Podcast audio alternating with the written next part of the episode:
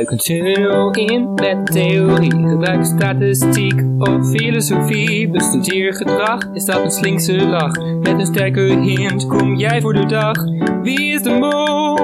Oh, we vinden hem niet. Er is totale tunnelpaniek.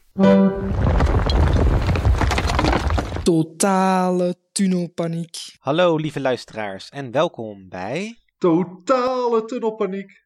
Vandaag bespreken we de zesde aflevering van het negende seizoen van De Mol. Dat doen we met de gebruikelijke stemmen van Dennis, Robbe en ik, Tycho. En zoals u van ons gewend bent, ook weer een zeer leuke gast. En we proberen natuurlijk zoveel mogelijk provincies te representeren in onze podcast. Onze vorige gasten kwamen respectievelijk uit Utrecht, West-Vlaanderen, Zeeland, Groningen en Limburg. Dus het is hoog tijd voor een Brabander. De Russen noemen hem Mitschka, maar wij noemen hem gewoon Mitch. Welkom. Ja, dankjewel. Wat een eer dat ik hier mag aanschuiven. Ja, vertel eens, hoe en wanneer ben jij officieel meloot geworden? Dat vind ik echt een goede vraag. Dat is ook echt al een tijd geleden. Ik denk dat dat ongeveer rond 2005, 6 is geweest dat ik ben begonnen met meekijken met mijn ouders. En daarna het gewoon steeds meer ben gaan kijken en vooral na een tijdje ook echt alles terug gaan kijken. En ik denk dat dat ja, sinds een jaar of tien, toen ik 15, ja, 16, 17 jaar was, dat ik echt wel alles terug ben gaan kijken. En sinds ja, drie jaar ook echt de mol live ben gaan volgen en daarvoor ja, alles terug heb gekeken. Oké, geniet je al een beetje van dit seizoen tot nu toe? Ja, ik moet heel eerlijk zeggen dat ik wat lagere verwachtingen had. Ondanks dat het programma mij elk jaar verrast, had ik toch zoiets Duitsland, coronacrisis. Maar ze doen het echt heel goed. Ik vind het een heel leuk seizoen, heel wisselend. Landschappen qua opdrachten. Een hele leuke diverse kandidatengroep. Ik ben heel erg positief gestemd over dit seizoen. Oké, nou top. Leuk dat je er bent. Ja, ik zou graag deze aflevering willen beginnen met een moment stilte voor de groepspot.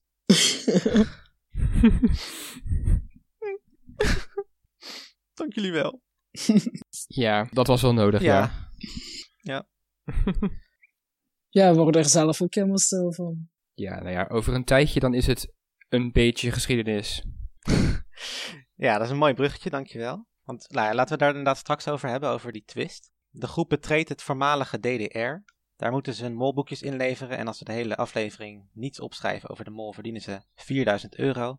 En dat zweren ze zelfs op de Leerdammerkaas, dat ze zich aan een woord zullen houden. Nou ja, wat er uiteindelijk met die kaas gebeurt, dat weet ik niet. Dan rijden ze Berlijn binnen en zijn jullie daar al eens geweest in Berlijn? Nee, eigenlijk niet. Ik ook niet. Ik ook niet, nee. Ik ook niet. Oké, nou. Het zag er wel heel bijzonder uit. Wel echt een molsferen. Ook zeker bij die ja, toegangspoort waar ze Ziel treffen. Ja, dat was gewoon een heel mooi moment om meteen die sfeer te hebben langs die muur, resten en dergelijke. Het gaf wel meteen een hele andere sfeer dan ja, bijvoorbeeld tussen de bergen waar ze eerder waren. Ja, ik ging eigenlijk helemaal stuk, omdat ze de hele tijd zeiden van... Verdomme, verdomme, die Gilles staat daar gewoon. Verdomme.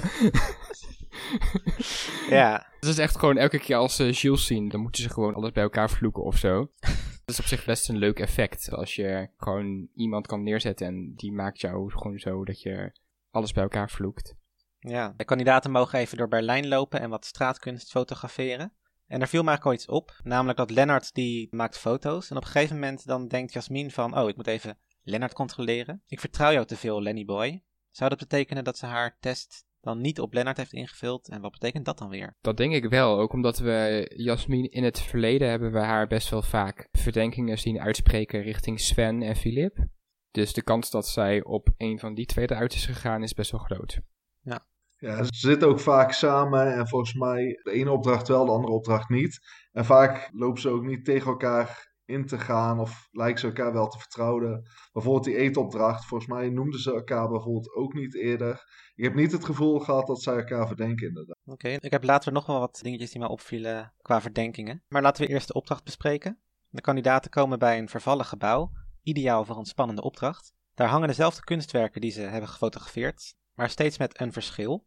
Die moeten ze met hun graffiti-spuit aanduiden voor 500 euro per stuk, maar zorgen dat ze niet afgespoten worden door de super evil graffiti-acrobatenbende. De meeste verschillen weten ze te vinden. De makers gooien er uit wanhoop nog maar een verdubbelaar tegenaan, maar het mag niet baten, want Philip duidt het verkeerde verschil aan. Maar toch wordt er nog 3000 euro verdiend. Ja, wie is jullie hier opgevallen en het is verboden om te zeggen... de mol kon hier voor het geld gaan in de wetenschap dat het er later toch weer uitzag. Goh ja, ik vind eigenlijk dat over deze hele opdracht niet heel veel molse acties zijn gebeurd. Ik heb hier echt een groep gezien dat heel goed heeft samengewerkt eigenlijk. Oké. Ja, ik vraag me bijvoorbeeld heel erg af wat er was gebeurd als Annelotte die touwtje aan de trui had gevonden. Was er dan 3500 euro binnengehaald en was er dan nog iets van een twist gekomen om te verdubbelen? Want Annelotte, stel ja, ze vindt ze en het is 3500, dan kan uiteindelijk niet die 6000 worden verdiend. Ja, Ja, daar heb ik mij ook afgevraagd. En ik denk, ja, dat is een heel moeilijke, maar ik denk dat ze dan toch nog zo'n extra plan B hadden of zo. En er dan misschien ook een mini-opdracht ging komen met Philippe, die misschien met die kleuren of zo nog eens moest strijden tegen iemand anders dan die graffiti-bende. Of ja, je kunt niet zeggen dat het verdubbeld zou worden als dat niet helemaal aan het begin is gezegd. Dus ja, daar heb ik zelf ook over nagedacht. Maar ik denk, ja, dat is pure speculatie en dat is misschien nog wel een vraag voor Gilles als er een chat komt op het einde van het seizoen op wieisdemol.com. Ja. Ja, het kwam echt heel randomly ineens. Zo van, oh, Filip, jij kan nog eventjes en dan kun je nog even dubbele verdienen. Ik vond Philippe sowieso opvallend, want hij begon heel goed met die bolletjeskleuren. Dus daar heeft hij best wel mensen bezig gehouden.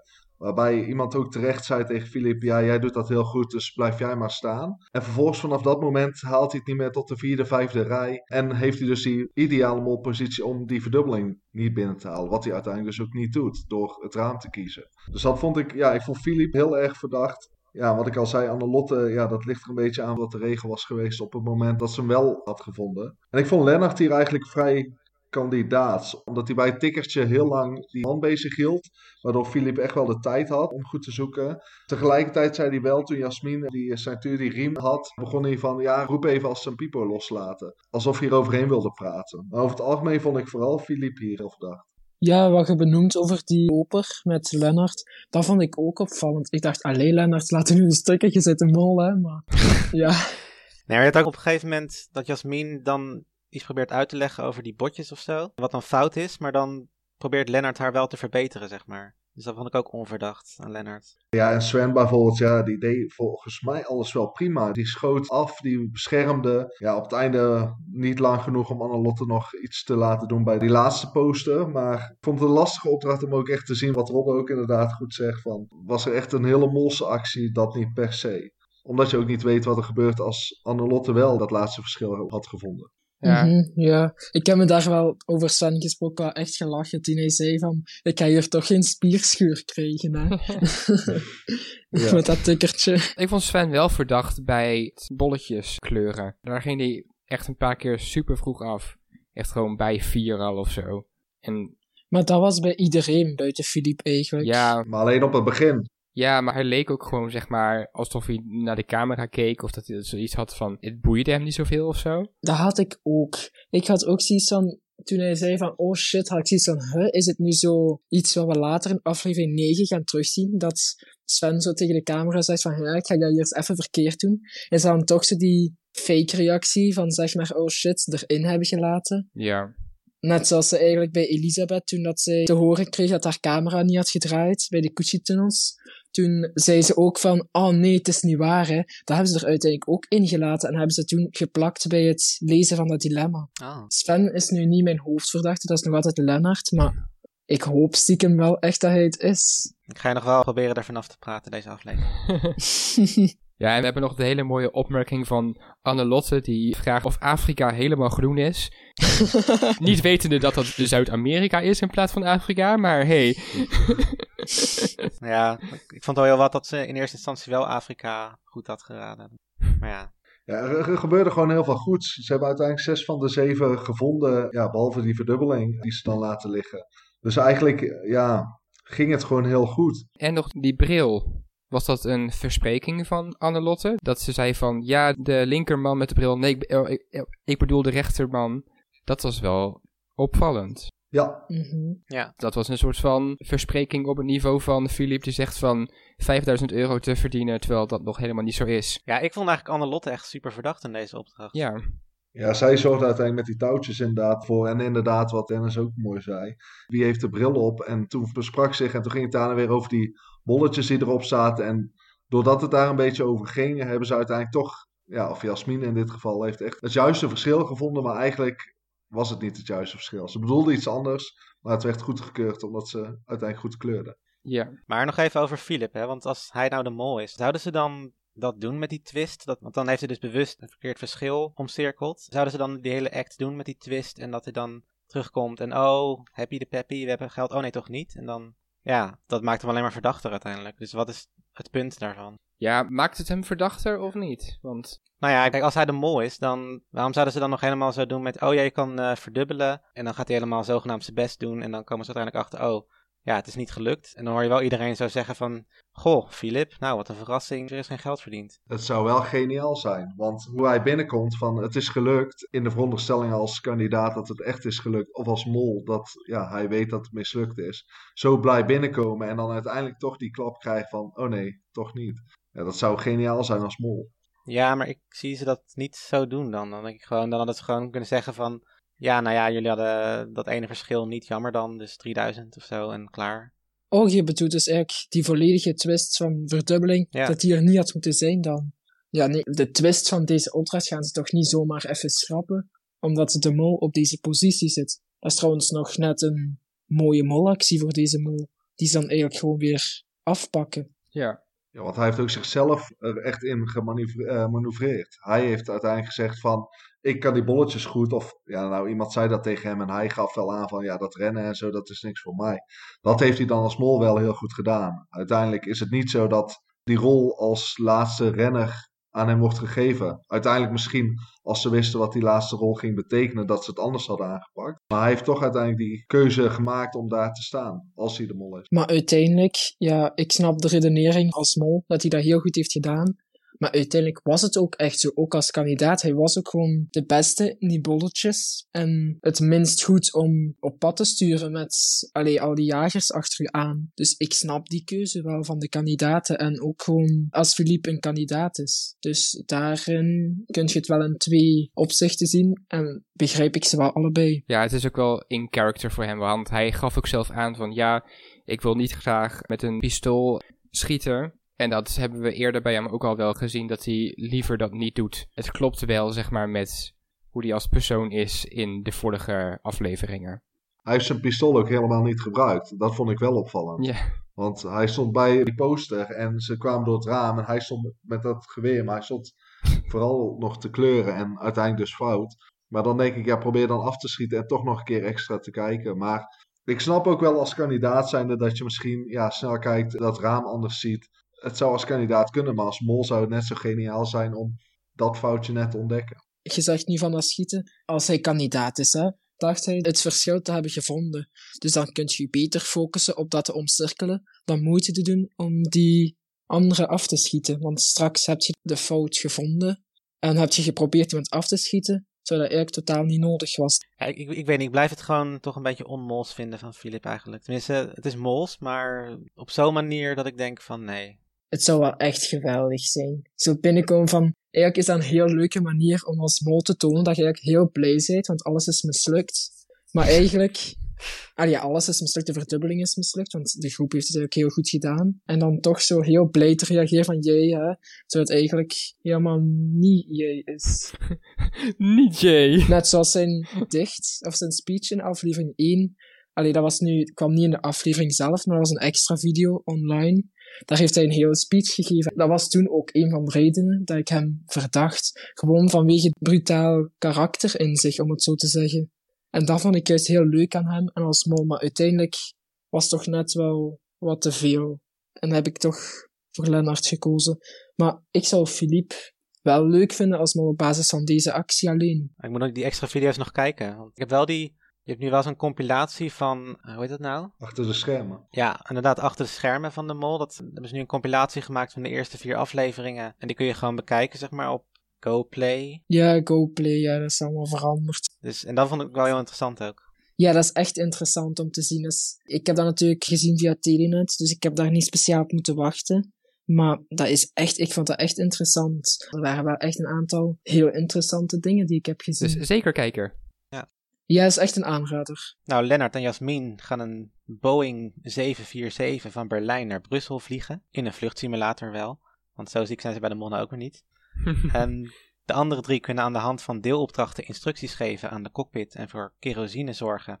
Maar als ze fouten maken, kunnen ze het vliegtuig ook aardig wat tegenslag bezorgen. Ja, uiteindelijk crasht het vliegtuig ook ergens in de bosjes en levert deze opdracht geen geld op. En toch denk ik dat het weer zo'n opdracht is waarbij de productie echt na afloop heeft aan juichen. Want het verliep gewoon weer zo perfect. Ja, voor de kandidaten niet perfect, maar echt alles wat fout kon gaan, ging fout, zeg maar. En ja, het was gewoon weer zo mooi. Ja, en dan niet zo snel fout, zeg maar, dat de hele opdracht al na Ja. vijf minuten kapot was of zo, zeg maar. Maar echt inderdaad. Zij gewoon niet eens de landingsbaan afkwamen Ja. of zo. Ja, maar dat vind ik tegelijkertijd ook wel weer iets om rekening mee te houden. En in hoeverre de productie daarmee helpt, ja of nee. Maar dat, ja, je moet dat opstijgen moet al lukken om die opdracht tot een succes te maken. De opdracht zou eigenlijk al verpest zijn als ze het opstijgen niet goed doen. Moet daar dan een mol meewerken als Lennart zijnde? Of zou de productie achter de schermen kunnen helpen met dat opstijgen? Of ja, dat is wel iets interessants. Als mol moet je sowieso eigenlijk niet per se hier al meteen gaan mollen. Eigenlijk kun je deze hele opdracht heel goed doen tot het moment dat je moet landen. Dan moet het eigenlijk gewoon verkeerd gaan. En dat is ook gewoon duidelijk gebeurd, want die crash werd wel echt heel ironisch in beeld gebracht, vond ik, met dat vuur en zo. Dat was wel eh, een beetje dramatisch in beeld gebracht. Ik vond het wel grappig. Ja, het was toch een crash? Ja, ik vond het wel grappig dat echt zo. Ik had niet verwacht dat ze echt zo'n beeld gingen laten zien van een vliegtuig dat zo in brand staat. Maar eventjes, laten we even naar de verdeling gaan kijken. Want wat mij dus bijvoorbeeld opviel was dat in eerste instantie hoor ze allemaal een beetje zeggen van ja, we willen allemaal graag de lucht in. En dan zegt Sven ineens van nou, ik wil eigenlijk wel op, de grond blijven. En dan ineens zegt Philip dat ook en Annelotte ook. En voor mij betekent dat dan weer van oké, misschien ben ik er wel te veel mee bezig. Maar misschien dat Philip en Annelotte dan echt op Sven zitten. Die komt niet in de tunnel of zo maar... in ieder geval vond ik dat opvallend bij de verdeling, zeg maar. Want waar zou je als mol willen zitten hier het liefst? Ik denk niet dat het uitmaakt. Of, ja, nee, ik denk niet dat het heel veel uitmaakt. Ik denk dat je op beide posities kan je goed mollen. Ja, het is zo voor de reclame, dacht ik. Eigenlijk wil hier als mol bij de papieren vliegtuigen zijn, waar je eigenlijk voor nadelen kunt zorgen, hè, zoals die brand in de motor en de storm en zo. Want dan kun je het de andere in het vliegtuig heel moeilijk maken. Dus toen dacht ik van, oké, dit is eigenlijk de ideale molpositie.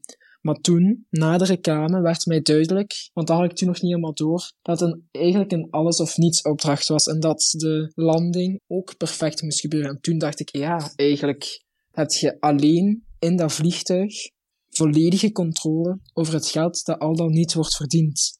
Dus daar moet je Ja. eigenlijk als mol, zoals ik juist zei, gewoon de hele tijd je best doen, maar bij de landing het verkeerd laten gaan. En dat is bij Jasmin en Lennart wel duidelijk gelukt. Mhm. Ja, anderzijds kan je natuurlijk ook, maar dat is niet gebeurd, het vliegtuigje inderdaad, wat Philip heel lang probeerde, verkeerd te gooien. En niet naar de benzine en dat er benzine tekort is. Dat zou natuurlijk wel ja, zonde zijn natuurlijk. Ik denk ook persoonlijk dat je het best in het vliegtuig kan zitten, omdat je daar de meeste macht hebt. Alles goed doen, dingen snel oppakken. Ik vond oprecht ook wel fijn dat het niet veel geld kostte, want het bleek al vrij snel dat er heel veel problemen zouden zijn. Dat ze waarschijnlijk alle vier de problemen gingen krijgen en één keertje. Dat het niet zo was dat dat meteen 1000 euro van het bedrag afhaalde. Maar meestal ja, 2, 3, 400 euro ja, is nog veel geld. Alleen ik vond dat er nog best wel wat op de teller stond na vier keer bellen. Ja, dat is dan zeg maar het goede dat het bedrag redelijk hoog stond al. Dat je dan uiteindelijk, als ze het gewoon goed hadden gedaan en dus de hulp bij de landing ook gewoon hadden ingeroepen, dan, dan hadden ze best nog een mooi bedrag kunnen verdienen. Ja, maar hoe dom was dat eigenlijk ook? Er gaat een alarm af van zegt Jasmin, oh alarm, oh negeren, negeren. Ja. Mannetjes. Ja, ze zei dat ze liever niet in de buurt van het stuur zit. Dat- Ja, dat was echt gewoon een iconische reeks aan citaten van Jasmin, allemaal binnen één minuut. Eerst met dat alarm dat afgaat van, ja, gewoon negeren. En dan later van, kunnen we dat niet afzetten of zo? En dan later vraagt de rest van, oh, hoe gaat het? Ja, wij zijn heel goed bezig. Bij wie ging de landing nou precies fout? Was dat de schuld van mensen in de cockpit? Of... Voor mijn gevoel ging Lennart juist heel erg naar beneden. Te veel naar beneden. En daardoor ging waarschijnlijk dat alarm af van je gaat te snel, te ver naar beneden. En ja, ik bedoel, Jasmin was niet echt een goede hulp daarin. Die, ik bedoel, daar ging ook van alles mis. Maar we weten dat, dat Jasmin niet een mol is, dus... Helemaal mee eens, want na deze opdracht dacht ik wel even van, oef, Jasmin. Hm. Dat was eerder voor deze aflevering wel echt mijn wensmol. Toen dacht ik wel even van, hé, dit zou wel echt een goede molactie zijn. Maar toen ik het ging terugkijken, kan ik me eigenlijk volledig vinden wat je juist zei, Dennis. Want de landing gaat eigenlijk oorspronkelijk echt mis bij Lennart, die eigenlijk best stijl naar beneden gaat, waardoor een alarm afgaat. Maar dat wordt zo eigenlijk niet echt heel duidelijk in beeld gebracht. En daar hadden ze eigenlijk gewoon, zoals ze toen ook zeiden, de toren moeten opbellen. En dat hebben ze niet gedaan, doordat Jasmin zei van, we hebben alles onder controle. En dan moet je als mol zijnde, als je Lennart zijt, daar gewoon in mee te gaan. Dan moet je eigenlijk niet meer veel extra gaan doen. Dan is het binnen, zeg Ja, want na maar. een tijdje toen ging dat alarm ook wel zeggen van... You're too low, too low, too low. En toen zag je Leonard ook gewoon niet direct opstijgen of zo. Het duurde echt een tijdje voordat hij uiteindelijk het vliegtuig weer omhoog ging proberen te krijgen. Maar ja, toen was het al te laat. Ja, klopt. En inderdaad, Jasmin die dat knopje niet kon vinden om de, het landingsgestel eh, naar beneden te laten komen. Volgens mij maakte Lennart daar ook wel gebruik van. Die ging meekijken, meezoeken. Ja, als Jasmin naar boven kijkt, kan je heel makkelijk natuurlijk met die knuppel nog wat meters naar beneden zakken. Ja, ik denk dat Lennart wel daar in de beste molpositie had. Denk ik ook. Ja, sowieso het vliegtuig wel, ja. Maar echt, hoe leuk was deze opdracht? Gewoon niet alleen om naar te kijken, maar ook gewoon, denk ik, voor de kandidaten. Gewoon op welke plek je ook zat. Het was echt super leuk. Ik dacht eerst ook echt van, wow, ze gaan helemaal naar Brussel vliegen, zo cool. maar dan niet dat ze zelf gingen sturen, hè, maar dat ze gewoon in een vliegtuig gingen zitten. En toen was het zo van, oh, ze gaan zelf vliegen met zo'n, in zo'n ding. Dus dat vond ik wel eh, cool bedacht eigenlijk. Ja, Ja, lijkt me best wel gaaf. Maar ik denk dat het ook. Ik heb ook wel eens verhalen gehoord van echte vluchten. waarbij dan een piloot onwel werd of zo. En dat gewoon iemand die nog een, totaal geen ervaring had. en achter het stuur ging zitten. en dan aan de hand van instructies toch het vliegtuig veilig wist te landen. Dus het is op zich vaak best wel. met goede instructies nog best wel te doen. Om het te begrijpen. Maar je ziet wel van tevoren zeg maar dat die dan. ja, dat ze een, soort- een stoomcursus krijgen. En dan zie je het echt zo. zie je echt kijken van. waar heb je het over in vredesnaam. Maar ja. uiteindelijk doen ze het nog wel redelijk tot aan de landing. Wat ik dan wel opvallend vind, is dat Lennart inderdaad regelmatig roept van... Hey, zullen we de toren bellen bij die makkelijke opdrachten? En dan uiteindelijk bij de landing, dan gaat hij niet tegen Jasmin zeggen... Zullen we nu eens de toren bellen? Dat deed hij volgens mij bij het vierde probleem. Dat was die motor in brand. Toen zei Jasmin eerst, nee, we gaan het zelf proberen op te lossen. En toen deed ze het uiteindelijk toch. Dus ja, als mol zijn kan je makkelijk zeggen... Toren bellen, toren bellen. En dan uiteindelijk, ja, toch niet. Ja, uiteindelijk kun je ook zien, als je de toren hebt gebeld, hoeveel blijft er nog over. Vind je het waard om dat binnen te halen? Of is het te hoog en kun je dan gewoon de landing verpesten? Dat zijn de twee opties voor de mol als je bijna in Zaventem zit, ja. denk ik. Maar ik denk dat sowieso wel, zowel voor de productie als voor de mol, is het gewoon ideaal om het begin van de opdracht eigenlijk heel goed te doen. Voor de productie, dat die opdracht gewoon op gang komt, dat die niet verpest is. Hè? En dan gewoon uiteindelijk op het einde gewoon verkeerd doen.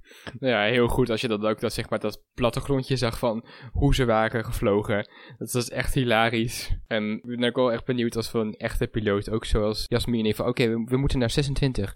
Zie jij ergens 26? Als ze deze opdracht nou in Vietnam hadden gedaan met Axel, dan was het een stuk makkelijker gevlogen. Toch denk ik dan, stel, als ze staan op de grond. Want Sven die gaat inderdaad heel snel van, dan ga ik wel op de grond staan. En Philippe volgt en eh Annelotte even later ook na wat moeite. Vond ik Philippe ook weer heel verdacht met het vliegtuig gooien. Terwijl Sven best wel goede tips geeft van, probeer naar rechts te gooien. Vlieg nog steeds elk vliegtuigje volle bak naar links.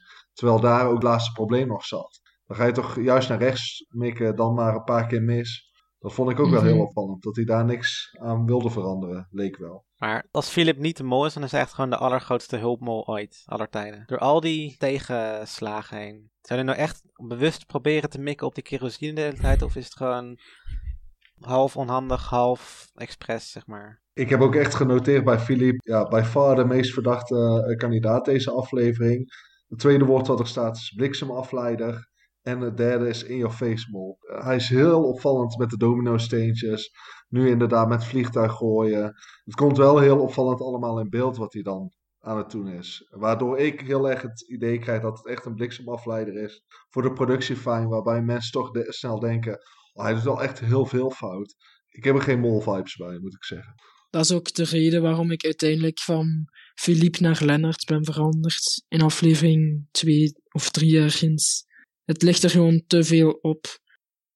Maar Sven deed het hier wel heel goed, vond ik. Want net op het moment, allee, hij kan dat natuurlijk niet weten, want hij zit dan niet in het vliegtuig. Maar net op het moment wanneer die brandstof eigenlijk bijna op was, gooide hij wel in die juiste ring. Ja, ja. ja, maar als we het toch, toch hebben over onverdachte kandidaten, ondanks dat Anne-Lotte bijvoorbeeld de vorige opdracht eventjes best wel verdacht was, was ze hier weer totaal onverdacht. Want de, de, de Mhm. vier problemen, ik bedoel, eh, Sven heeft er twee geraakt, eh Philippe heeft er twee geraakt, Annelot helemaal niks. Ja. En Annelot heeft eh, letterlijk in haar eentje dat, dat, dat laatste met het eh, vliegtuigje la- laten zweven, zeg maar. Dat, he- dat heeft ze basically in haar eentje eh, gedaan. Ja, inderdaad. En ook op basis van alle voorafgaande afleveringen en de opdracht die zelfs nog komt, snap ik gewoon niet hoe dat ze eigenlijk zoveel verdacht kan worden. Ik snap dat echt niet, want ook in mijn Wie is de Mol niet-theorie die ik bijhoud, staat ze echt al lange tijd bovenaan. Dus dat vind ik wel echt, Ja. ja. Sowieso vond ik dat wel echt cool. Ik dacht, huh? Hoe- Ik zat daar echt uit na te denken van, huh? Hoe kan dat vliegtuigje daar zo blijven hangen, zo blijven zweven? Ik dacht, was even gek aan het worden. Allee, dat is toch, Ja. dat is toch raar? En, toen, en toen, toen zag je ook nog die mooie montage. En dan dacht je helemaal van, wow. Ja! Ja, dat was echt mooi. Dat was echt geweldig. Ja, of ze heeft het van tevoren geoefend en bla bla bla. Ja, maar waarom zou je het... Ja, kijk, dat je het oefent, oké, maar dat het dan ook nog goed uitgevoerd wordt. eh, het had de opdracht vanuit haar positie een stuk makkelijker gemaakt als mol zijnde eventueel. Je hebt als mol alleen daar nog invloed op de opdracht. Als je dat niet doet, ja, dan wordt de landing al een stuk eh, moeilijker. Terwijl als je dat laat zitten, eh, of dat goed doet bedoel ik, ja, dan kun je in het vliegtuig die landing gewoon zetten. Dan heb jij geen invloed als mol hoe je het verder op gaat pakken. Ja, daar sluit ik mee bij aan. Ja, goed punt. Ja, verder nog iets te zeggen over deze opdracht? Tot deze opdracht was het een heel leuke aflevering. Oh, oké. Nou, Tot, tot, en met, tot en met deze opdracht. Ja, tot en met. Zo. Ja, nou, dit, dit, waren dus de opdrachten van deze aflevering. Ja, ik, bij deze verlaat ik ehm, de aflevering. Jullie gaan het nu verder Oh doen met de andere drie. Ik ben weg. Joejoe. nou, laten we dan maar gauw daar naartoe gaan dan. Ehm, ja, de, de kandidaten krijgen dus eerder deze aflevering de kans om in elkaars dossiers te kijken en meer info over elkaar te weten te komen, maar dat kost de groepspot, of tenminste dan verdienen ze geen 4000 euro. En ze krijgen te horen dat verraad zal worden beloond. En voor de test mag elke kandidaat een bod doen op een filmopname van een andere kandidaat die in het kamertje zit. En als diegene dan in de dossiers heeft gekeken, dan verdwijnt dat geld wat geboden is uit de pot. Maar verdient diegene die dus het hoogste bod heeft gedaan een vrijstelling. In dit geval dus Lennart, die 10.000 euro, ik herhaal 10.000 euro, heeft, heeft geboden. Voor een vrijstelling die hij ook krijgt, omdat hij op de opname van Philip bood, die in de dossiers gekeken heeft. Ja, nou ja, wat vonden jullie van deze twist? jullie, jullie lieten het al een klein beetje merken, maar vertel. Ehm, ja, het is zeg maar een soort van de bedoeling dat de Nederlandse Wie is de Mol afkijkt bij de Vlaamse Mol en niet andersom. Dat is zeg maar, eh, we hebben, we hebben natuurlijk gewoon vorig seizoen bij de Nederlandse Wie is de Mol ook al gehad over, de, over een veiling, omdat er ook een veilingopdracht in zat. En eh, daar eh, hadden we ook, eh, ook wel een harde mening over, denk ik. En dat van nee, nu, nu ook nog in dit seizoen, dat kan niet. Ja, ik bedoel, het- was mooier aangekleed en er was wel, ik bedoel, er zaten wel meer lagen in, dat klopt, maar 10.000 echt, dat is wel, ja, dat is toch een beetje spelbrekend als je, als je zoveel afleveringen eh, geld hebt, hebt opgehaald en dat het dan zo voor één minuscule vrijstelling, dat dat dan allemaal weer weg is. Het enige positieve dat ik in deze opdracht zie, is eigenlijk dat er nog een kans was. Een niet zo heel grote kans, maar hij was er wel. Dat er een kans was dat het geld uiteindelijk niet uit de pot zou gaan. En voor een veilingopdracht, om het zo te zeggen, zat deze wel goed in elkaar, om het zo te zeggen. Er moest eigenlijk twee verraders zijn, soort van. Moest eigenlijk een verrader verraden. Ja. Dus in dat opzicht, Deze opdracht had eigenlijk al veel beter kunnen zijn als ze hadden gezegd: we pakken de tweede bieder, deze bieder, hè, de tweede hoogste bieder, die mag iemand aanduiden en maakt kans op een vrijstelling. Op die manier zorg je ervoor dat niet 10.000 euro wordt geboden, maar waarschijnlijk al de helft minder, want je moet niet de hoogste zijn, maar wel de tweede hoogste. Maar dan was het al 7600 geweest, in ieder geval. Ja, in dit geval wel. Maar dat is omdat ze nu de info hadden van de hoogste bieder wint het. Als ze de info hadden gekregen, de tweede hoogste bieder wint het, dan was het een heel ander verhaal geweest. En had er veel minder geboden geweest. En oké, dan had ik het alsnog waarschijnlijk een dieptepunt gevonden, om het zo te zeggen. Maar dan had ik het toch wel al acceptabeler gevonden dan dit. Kijk, het probleem is denk ik vooral het bedrag van 10.000 uh, euro. En dat is uh, Ja. volledig aan te rekenen aan Lennart, vind ik. Dus eh, ja, ik zou het als een mol jammer vinden. Kijk, wij noemen nu de productie. Het is jammer als 10.000 eruit wordt gehaald. Eh, maar Lennart is die, degene die het effectief doet. Dus ik blame hem daar meer in. En dan denk ik, ja, waarom zou je dat als mol doen? Eh, ja, aan de andere kant is het makkelijk te verantwoorden natuurlijk. Eh, maar ik vind dat het probleem niet bij de productie ligt. Want het effect is er wel. Wat ze waarschijnlijk hebben willen bereiken. Een beetje zo achtergrond, een beetje, een beetje duister, oude beelden eh, namaken. Ehm, en de sfeer gewoon een beetje omgooien. Ja, dat is wel echt gelukt. Met, met daarna elkaar ondervragen van wie heeft het gedaan. Ik vond Filip ook best wel zenuwachtig terugkomen. Dat ik dacht, ja, je hebt gewoon gekeken. Ehm, het effect is wel bereikt. Alleen ja, kan de, kunnen de programmamakers verwachten dat hier zoveel wordt geboden? Of hadden ze een grens moeten stellen boven de 5000 euro bijvoorbeeld, of 3000 euro, dan telt je bot niet meer. Eh, zoals vorig seizoen natuurlijk een grens was met 15.000 euro. Ja, om daar al over te beginnen even, hè. Die vergelijking met vorig seizoen vind ik eigenlijk al... Daar ben ik het eigenlijk al helemaal niet mee eens, want dit is aflevering 6, hè jongens. Dit is aflevering 6. Er zijn zes afleveringen geweest waarin deze kandidaten, buiten de vele psychologische opdrachten die er al waren, hebben deze kandidaten er wel alles aan gedaan om deze groespot zo hoog mogelijk te houden. Hè, zoveel mogelijk geld te verdienen. Hè, toch de meeste kandidaten. En dan gaat hier nu even in één keer, ja, dat vind ik toch. En daarin ben ik het niet helemaal eens met dat je die 10.000 euro aan Lennart kunt aanrekenen. Ik vind dat het gewoon aan de productie is aan te rekenen. Want dit, als je zo een opdracht erin steekt, ik heb juist al gezegd, met de tweede hoogste bieder had het al helemaal anders kunnen zijn. Als je zo'n opdracht insteekt waarin de hoogste bieder wint, dan is het niet, dan is het normaal dat er zoveel geboden wordt. Dan hebben ze nog geluk dat Jasmin niet kon bieden. Want Jasmin die had letter- le- letterlijk die hele pot gewoon ge- geboden. Ja, ja, ja, dat heeft ze bevestigd in een Die had, die had interview. Isidor er ook nog bij gedaan.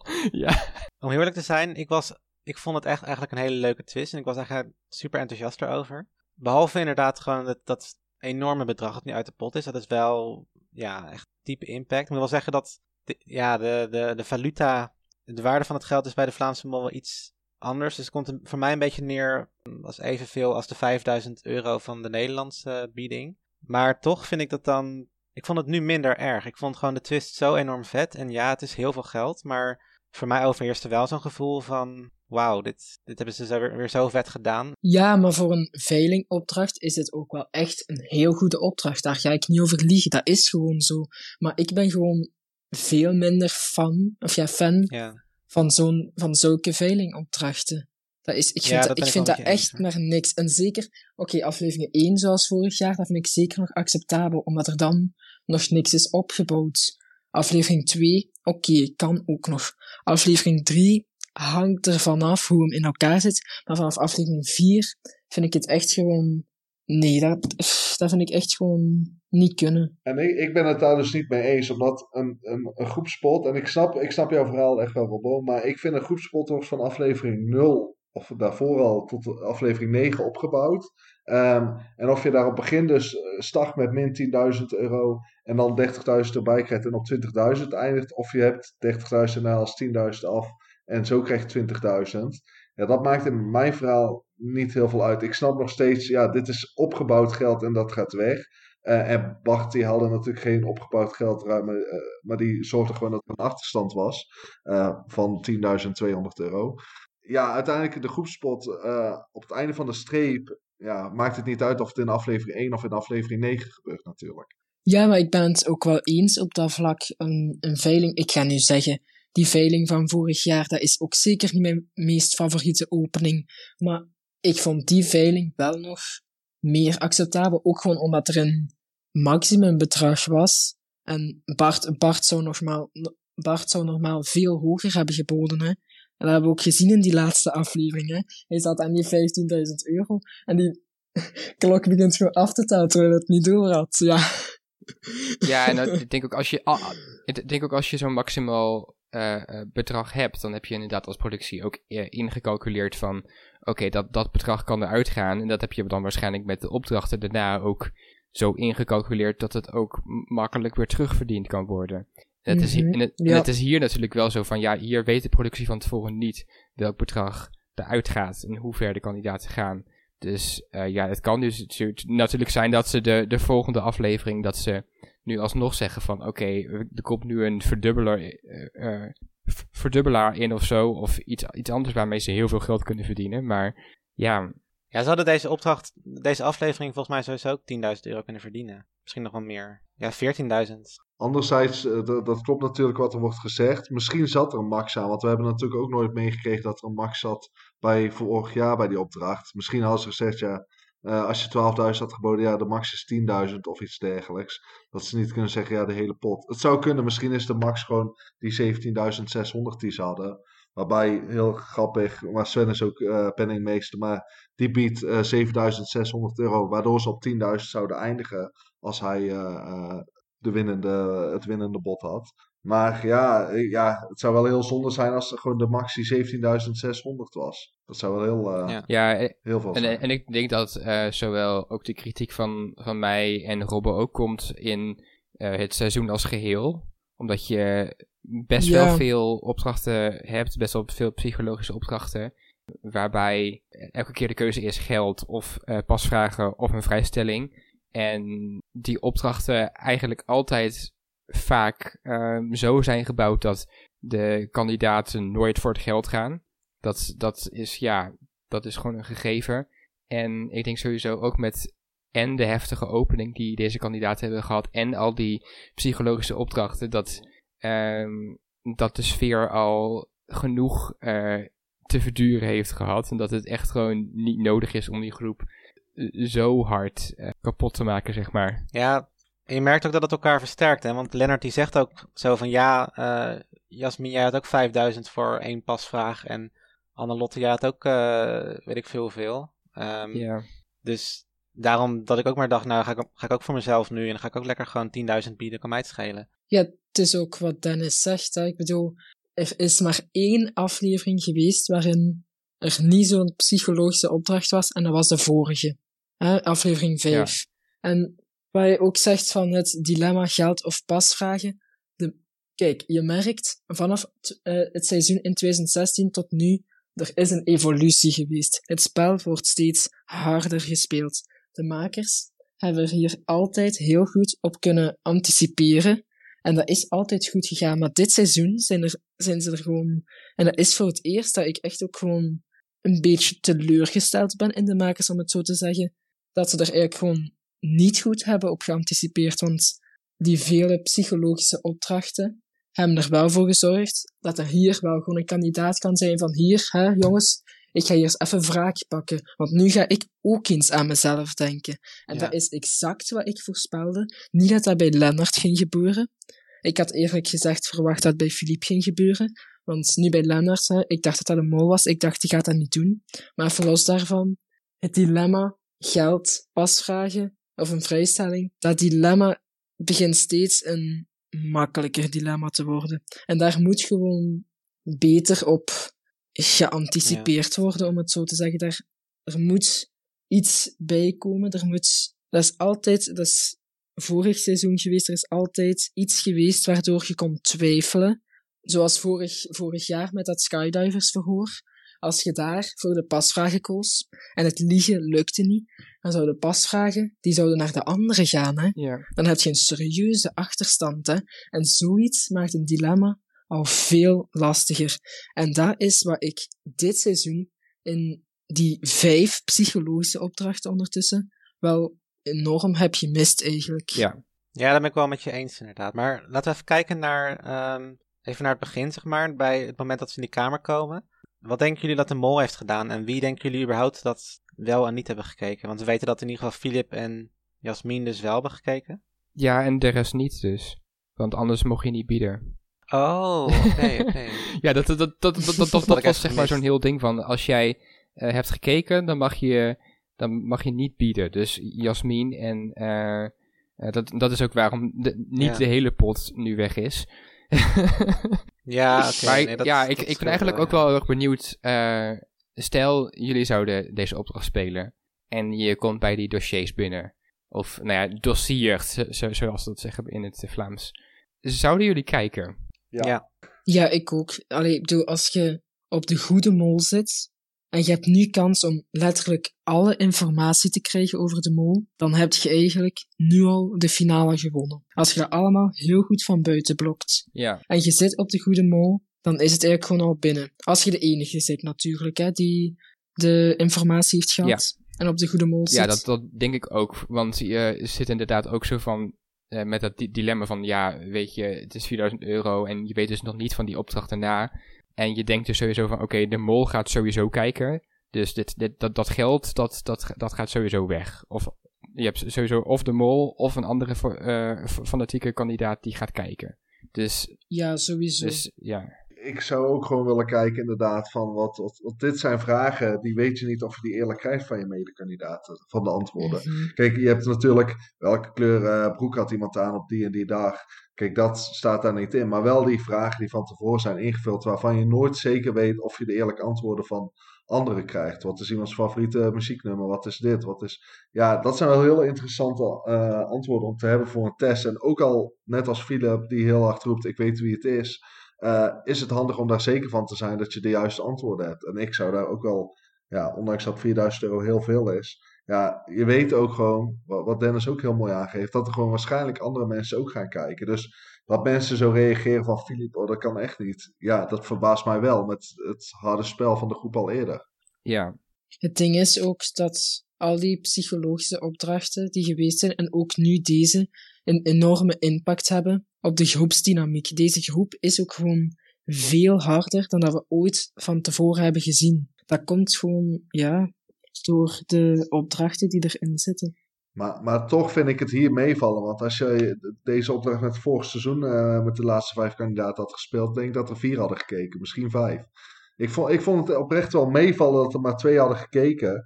En ik ben ook vooral benieuwd naar bijvoorbeeld de, de volgorde van de mensen die binnenkomen in de kamer. Zegt dat ook iets? Want eh, wil je als mol bijvoorbeeld, wat je in eerdere seizoen hebt gezien, weten wat anderen eventueel nog hebben gedaan voor jou? Ik denk het wel. Want Lennart ging bijvoorbeeld als eerste, Filip eh, kwam als laatste. Als mol heb je twee keuzes. Je kan in eerste instantie kijken of je kan niet kijken en dan later hoog bieden. Dat... Eh, ik denk zeg maar eventjes vanuit mijn eh Lennart tunnel. Dat eh, gezien Lennart ook als eerste eh, nu eruit kwam. Dat het, eh, dat het wel logisch was dat hij als eerste ging. Omdat met deze groep, sowieso met mensen als Philippe, eh, Sven, Jasmin.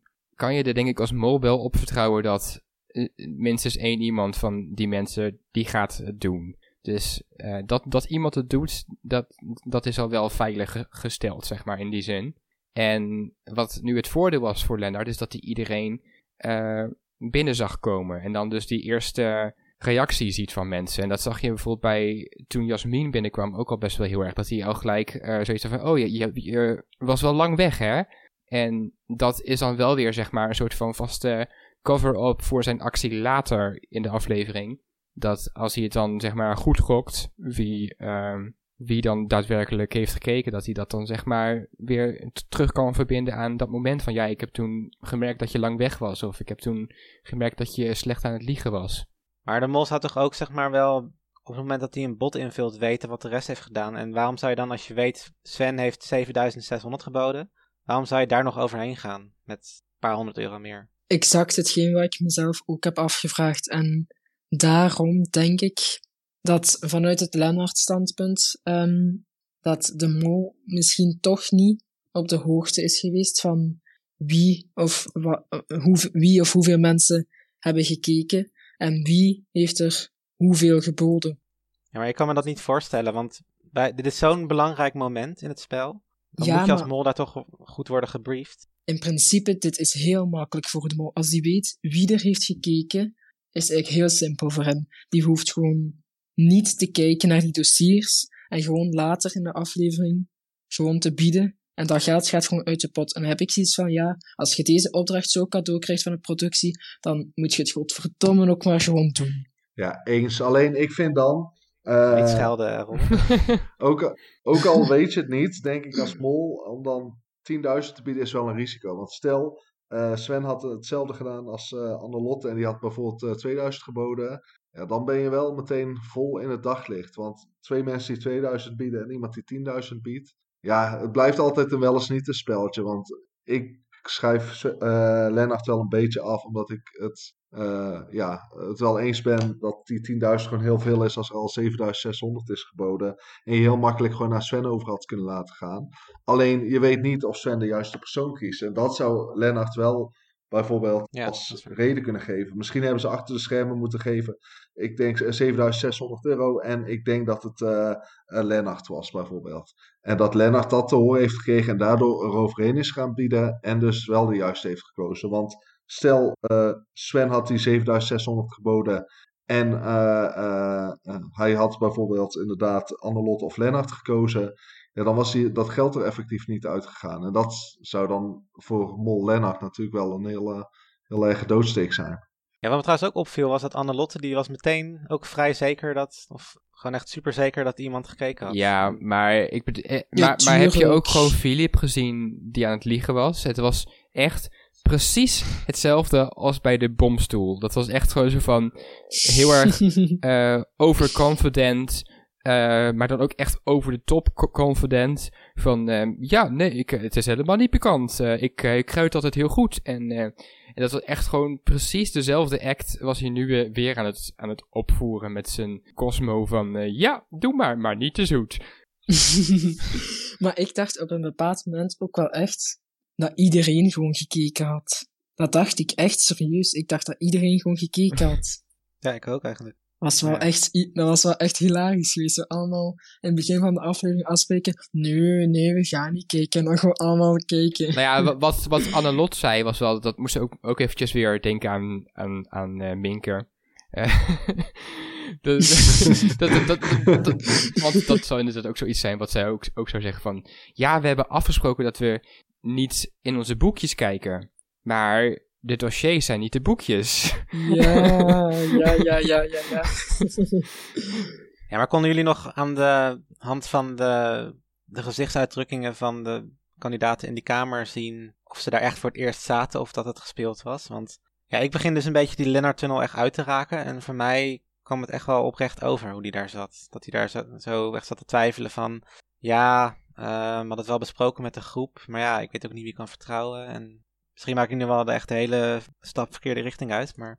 Ik had niet iemand die opviel bijvoorbeeld, waarvan ik echt dacht van, oh, eh, jij weet al precies wat je gaat doen of zo. Ja, Philippe, maar dat zijn gewoon zijn gezichtsuitdrukkingen. Alles wat hij doet is gewoon heel extreem. Hij, hij is extreem verbaasd, extreem blij, extreem... Ja, daar, daar leest wel in uit dat die verbazing. Dan denk ik, ja, of dit is heel erg gespeeld, of dit ben jij gewoon. Maar dat heb ik met alles bij hem. Ja, zijn gezichtsuitdrukkingen zijn wel echt geweldig. Ook gewoon de foto's die eh, via sociale kanalen komen van het eh, van Play 4. Ik vind dat wel echt hilarisch. En dat doet me soms ook gewoon echt aan John van Eert denken. Ja, Ja, wel- welke reactie mij het meest opviel was toen er dus werd verteld van dat, het, dat er 10.000 eh, euro geboden werd. Waren daar drie van de vijf kandidaten hadden daar een hele, hele grote uitdrukking op. En het was eigenlijk bij alle drie een beetje hetzelfde. Het was echt gewoon totale shock, zeg maar. En dat was bij Jasmin, Annelot en Philippe. En natu- natuurlijk bedoel, Lennart die weet dat hij 10.000 heeft geboden, dus die heeft geen schok. En eh, Sven die was ook eh, heel rustig en die keek een beetje voor zich uit van, ja, niet verbaasd. Ja, ik, Mhm. dat, dat had ik precies hetzelfde opgeschreven. Ik vond Sven zijn reactie heel eh, anders dan normaal. Als er geld verloren gaat of een opdracht lukt niet, dan wordt hij boos, eh, flipt hij hem uit. En dat is natuurlijk vorig seizoen ook een beetje gebeurd met, met Jolien en Alina bij, bij de hangar. Dat die eh, uitflipte en dat Lina daarop inhaakte. Maar Sven deed dat nu eigenlijk niet. Ik vond dat Sven eigenlijk vrij kalm en rustig was. Vergeleken met die eerdere reacties bij de domino's of bij, bij opdrachten die niet lukken, zoals voetbal. Ja. Dat aanmoedigen, dat fanatieke, dat had ik hier totaal niet. Er gaat 10.000 euro uit en hij stond er eigenlijk bij en haakte niet op Annelotte en die zei 10.000 euro. Ja, Als ik Sven was, ik had geklapt dat niet de hele groepspot eruit was. Ik bedoel, hij heeft in aflevering 1 geklapt met 1500 euro van de, eh, hoeveel was het, dat, met die knuffelvragen, heeft hij ook geklapt voor 1500 euro. Ah wel, nu was niet heel de groepspot eruit, eigenlijk had hij daar gewoon voor moeten klappen. Want er is uiteindelijk wel nog 7600 euro overgebleven. hè. Ik bedoel, ik had gedacht dat de hele pot eruit ging. Ja, dat is niet om te klappen, hè? Nee, maar eigenlijk, ik denk sowieso ook, ook zo'n veiling is ook gewoon voor een mol. Dat hebben we de vorige keer ook besproken van. Het, eigenlijk voor een mol is het eh, altijd een, een verlies je een deel van het publiek daarmee. Want of je bent dus degene die het hoogste biedt. En dan, eh, dan is het een soort van zwakke, makkelijke sabotage. Want ja, je kan gewoon zeggen van, nou, ik wil 10.000 eruit en ehm, klaar. Of eh, je doet inderdaad zoals Annelot bijvoorbeeld. Je biedt eh, vrij laag en je wordt niet opgemerkt. Maar ja, dan is het niet echt een sabotage.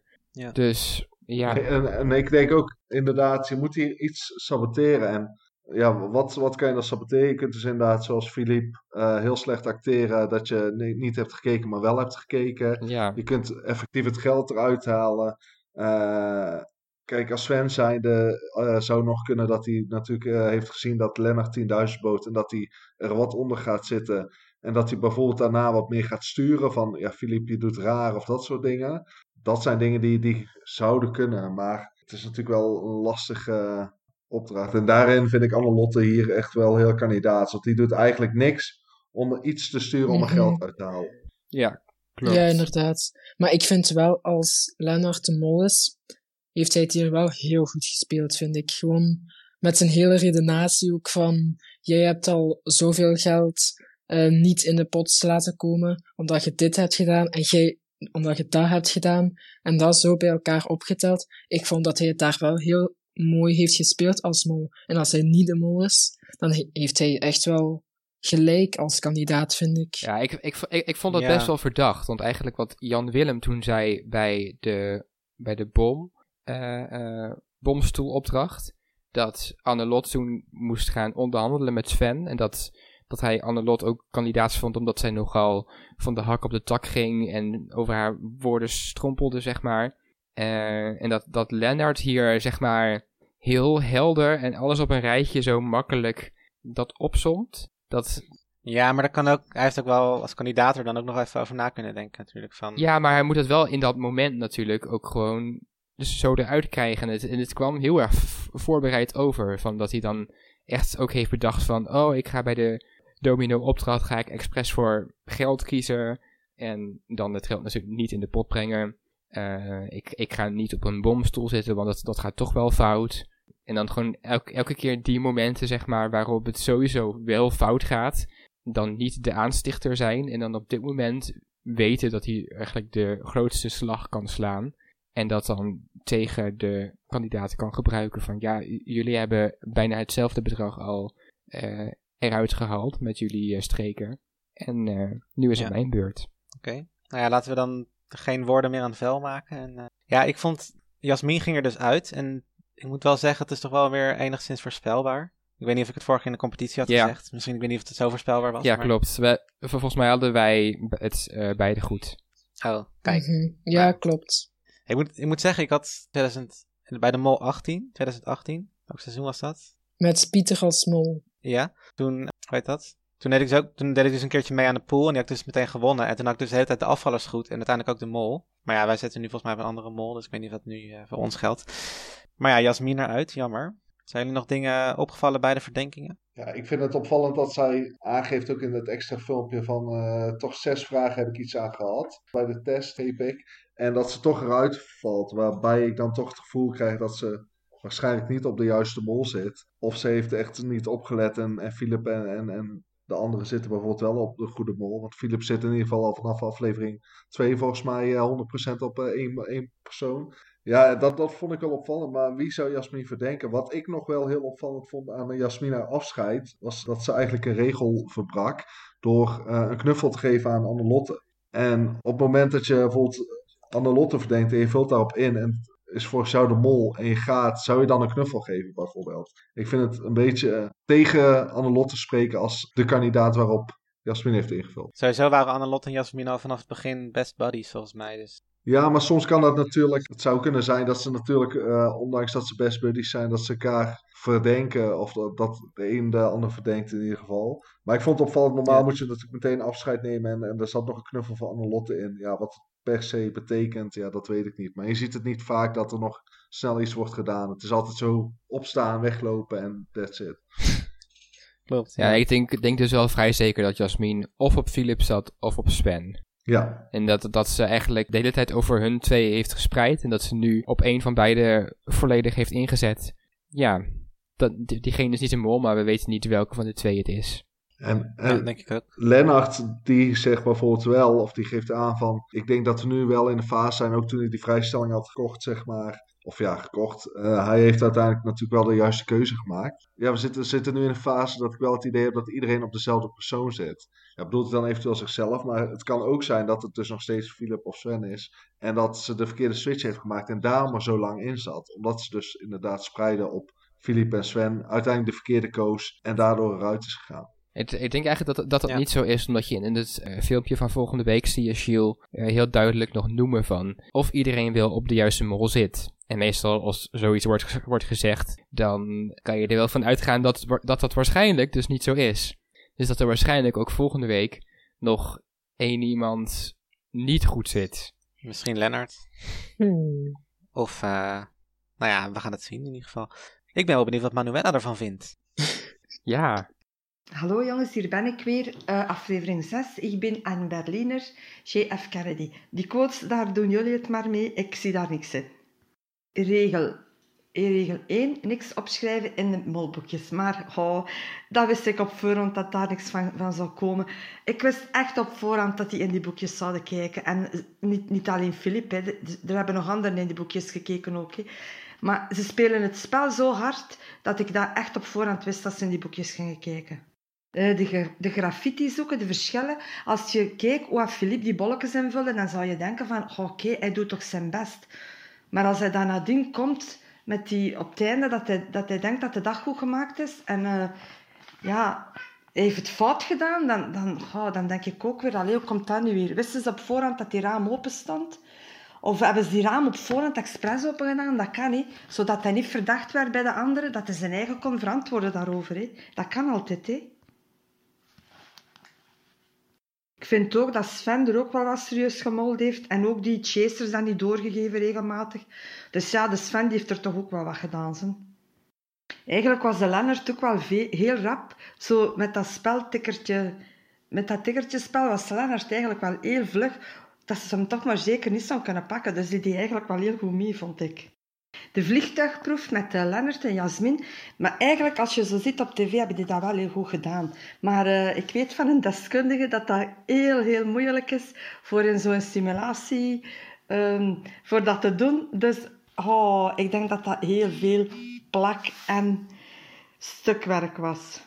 Als je eigenlijk eh, zag hoe goed dat Jasmin daarin was, dan zou je al denken dat Jasmin voorkennis had dat ze dat eigenlijk zo goed deed als co-piloot. Dat vond ik, want, want ja, dat vliegtuig zo in die simulatie oplaten, oh, ik, denk dat, ik denk dat dat echt een onbegonnen werk is.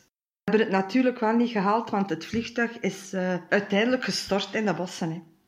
Ik vind de Sven ook altijd wel goed van eh, altijd maar zeggen tegen de Philip: Jij hebt zeker eh, getraind voor het eh, vliegertje schuin te laten vliegen. Maar dat is eigenlijk wel goed dat hij dat zegt. Dat, kan Sven zeggen voor oogverblinding. Hè.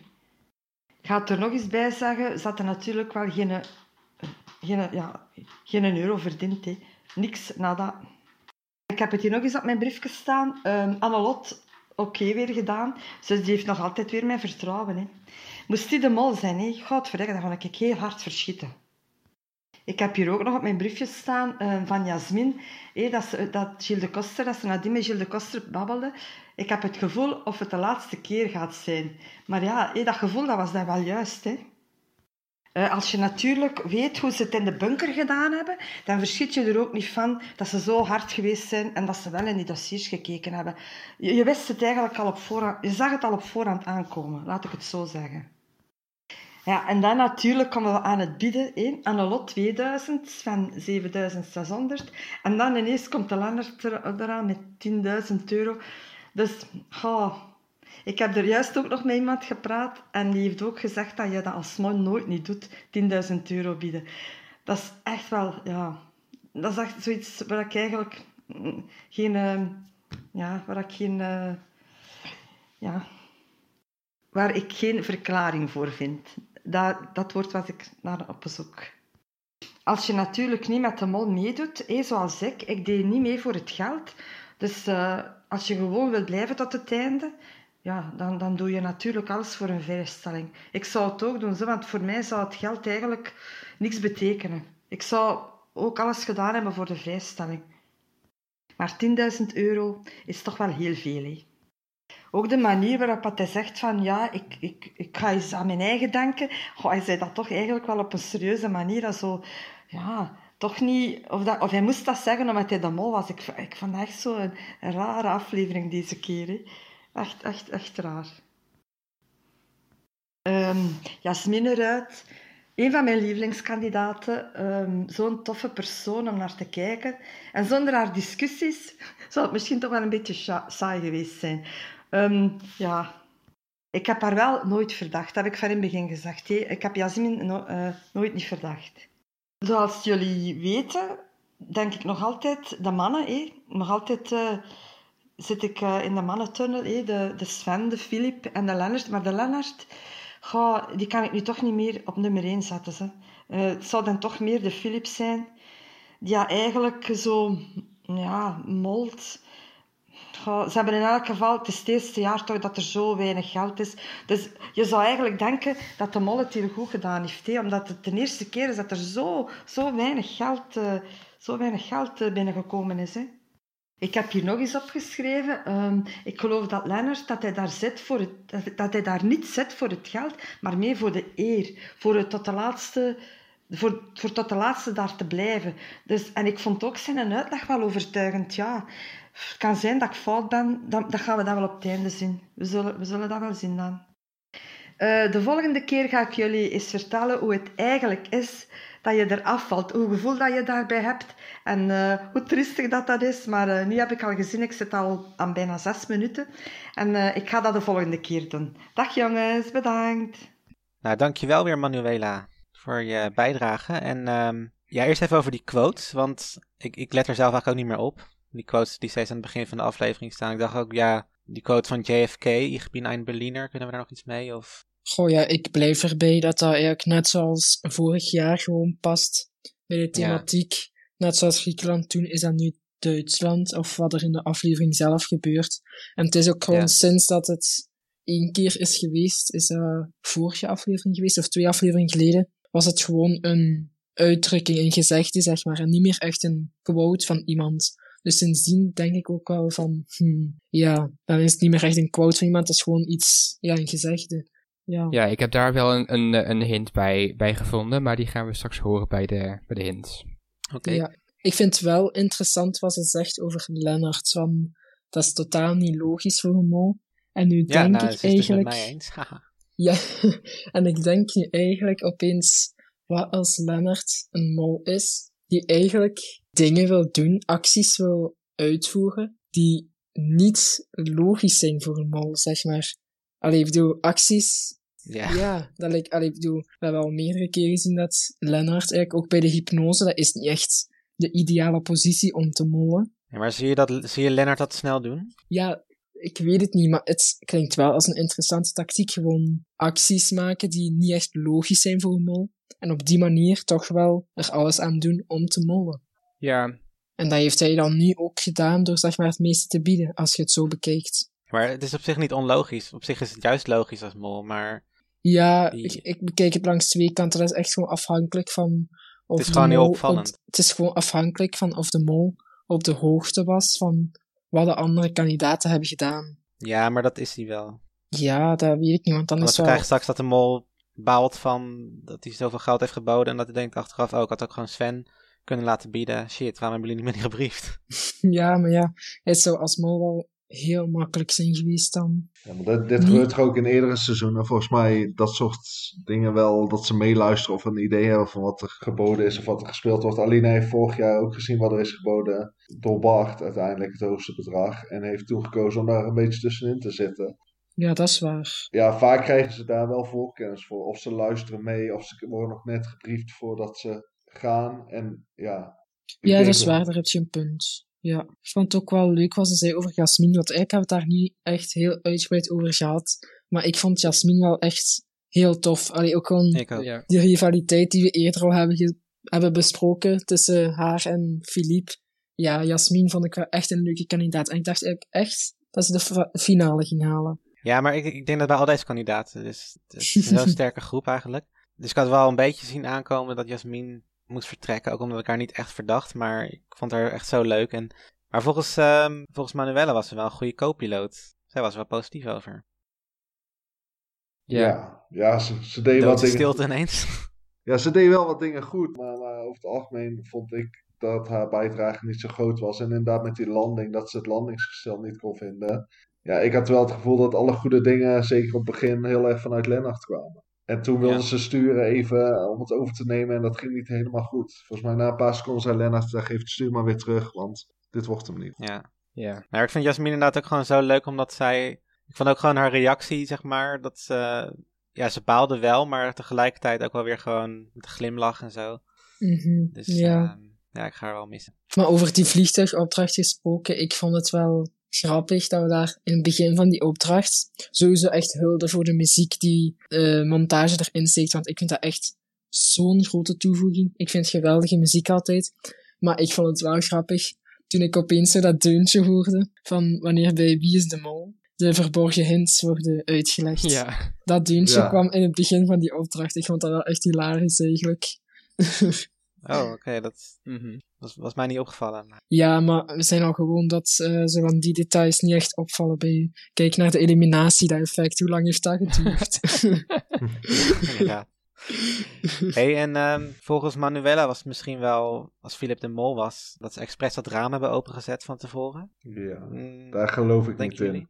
Nee, ik geloof niet, niet dat, dat dat echt expres is opengezet, maar dat het misschien later wel is gezegd door productie van, oh, dit zou eventueel een ding kunnen zijn. Of dat hij dat gewoon zag, inderdaad, eh, op dat moment. Ja, ik geloof niet dat ze aan hebben geklopt vanuit productie of zo. Dan zou het wel leuk zijn als bijvoorbeeld, maar dat gaat bijna niet in zo'n groepje, maar dat hij bijvoorbeeld even een plaspauze is gaan houden en even aan is gaan kloppen van, hey, kunnen jullie het raam openzetten? Maar ik Dat geloof zou niet dat... geniaal zijn. Ja, maar ik geloof niet dat de productie dat van tevoren doet. Nee, dat Nee. hebben we nog niet eerder meegemaakt. Dus ik, ik geloof het niet. En inderdaad, wat ze zei, dat hij dat die bolletjes op het begin heel goed in had gevuld, inderdaad. Maar daarna toch niet.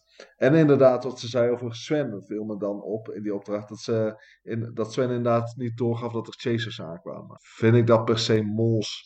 Ja, niet echt. Want ik denk uiteindelijk zie je die toch wel en ben je toch wel op je hoede. Eh, en er waren al één of twee. En het was de tweede of derde die erbij kwam. Dus ja, niet per se een mos, maar het viel mij ook inderdaad op. maar sowieso is het wel handig dat als zoiets gebeurt, dat dat gewoon wordt doorgegeven. Het is wel grappig dat er een opdracht was met die walkie-talkies, of ja, de portofoons, zoals jullie dat zeggen. Want we hadden er nog over dat het eh, niet zo heel veel voorkomt in het Belgische seizoen. Vind ik wel grappig dat er toen walkie-talkies kwamen. Eterdiscipline. Ja, en de eterdiscipline was, niet, was inderdaad niet altijd goed. Want op een gegeven moment had Jasmin blijkbaar iets doorgegeven, maar dat hadden ze niet gehoord. Dus, maar ja, dat was ook wel het enige moment eigenlijk, volgens mij. Qua communicatie ook fout liep. aan het begin van die opdracht, dat heb ik er straks niet gezegd, maar dat vond ik wel hilarisch. Ook gewoon Gilles de Koster, die als voice-over echt zo heel serieus zegt, Sven, Annelotte en Isidor gaan naar de andere schilderijen op zoek. Oh, wauw. Ja, dat was ook nog niet eens opgevallen, joh. Dat, Alsof Isidor echt zo'n kandidaat is die meezoekt naar die schilderijen. Ja, echt mooi. En, en nog steeds ben ik benieuwd wanneer, wanneer zijn belangrijke taak komt. Want we hebben natuurlijk eh, nog maar twee afleveringen. Wanneer komt Isidore aan de beurt? Ik hoop oprecht dat ze met die rode knop die 10.000 euro kunnen terugverdienen. Of toch de pot kunnen verdubbelen, ook al ben ik daar niet zo'n fan van. Maar na die veilingopdracht mag dat wel. Dus ik hoop wel dat er toch wel een serieus bedrag mee is gemoeid. Ja, nou, dan, dan moeten ze nog wel Isidor zover krijgen dat het ook lukt. Want nu werd het, was het ook weer zo dat Annelotte Isidor met de pootjes letterlijk gewoon op die knop duwde. En zei van, nou, goed gedaan, koekje hoor. Ja, maar kijk, als dat gebeurt, ja, als dat gebeurt, dat ze daar echt het bedrag van de veiling en daar toch wel grotendeels mee kunnen terugverdienen, dan ben ik, vind ik het toch wel al een stuk minder erg dat die veilingopdracht er was, ondanks dat ik het nog steeds niet geweldig vind. Ja, Ik denk dat, want je ziet in het voorstukje voor volgende week ook, volgens mij is het Lennart van zo'n gebouw vallen. Ik denk dat dat Isidor dan op die knop moet drukken om, zeg maar, die val te stoppen en anders dan... eh, ja. Nee, maar ik, ik, ik denk dat ze ook niet uitzenden. Stel, Isidor zou nu allemaal op die knop gaan drukken. Zou ze dat uitzenden? Misschien is het juist wel dat ze gewoon die spanning opbouwen van het gaat niet lukken. En dat het uiteindelijk misschien beter kan dan dat hij nu doet. Want nu lijkt het echt als die opdracht komt, het gaat gewoon 100% niet lukken. Terwijl als ze het hadden uitgezonden dat hij nu elke keer die knop met gemak indrukt. Dan denk je, oh die opdracht gaat wel lukken misschien. ja dat is waar. Ik zeg, ja. Maar ja, ze laten dat nu af en toe zo eens terugkomen, zodat de kijker er wel wordt aan herinnerd van hè, die rode knop en Isidor, dat blijft wel een dingetje. Want ik denk, en dat merk ik nu ook wel bij die veilingopdracht, en dat was in Nederland trouwens volgens mij ook, neutrale kijkers kijken volgens mij het meer per aflevering en niet in zijn geheel. Want ik heb bijvoorbeeld op sociale media echt superveel goede reacties gelezen over deze aflevering, over die veiling en zo. Terwijl ik denk van ja, eh, dat hebben we nu eerder al benoemd van, er zijn zoveel psychologische opdrachten geweest, het is wel goed geweest.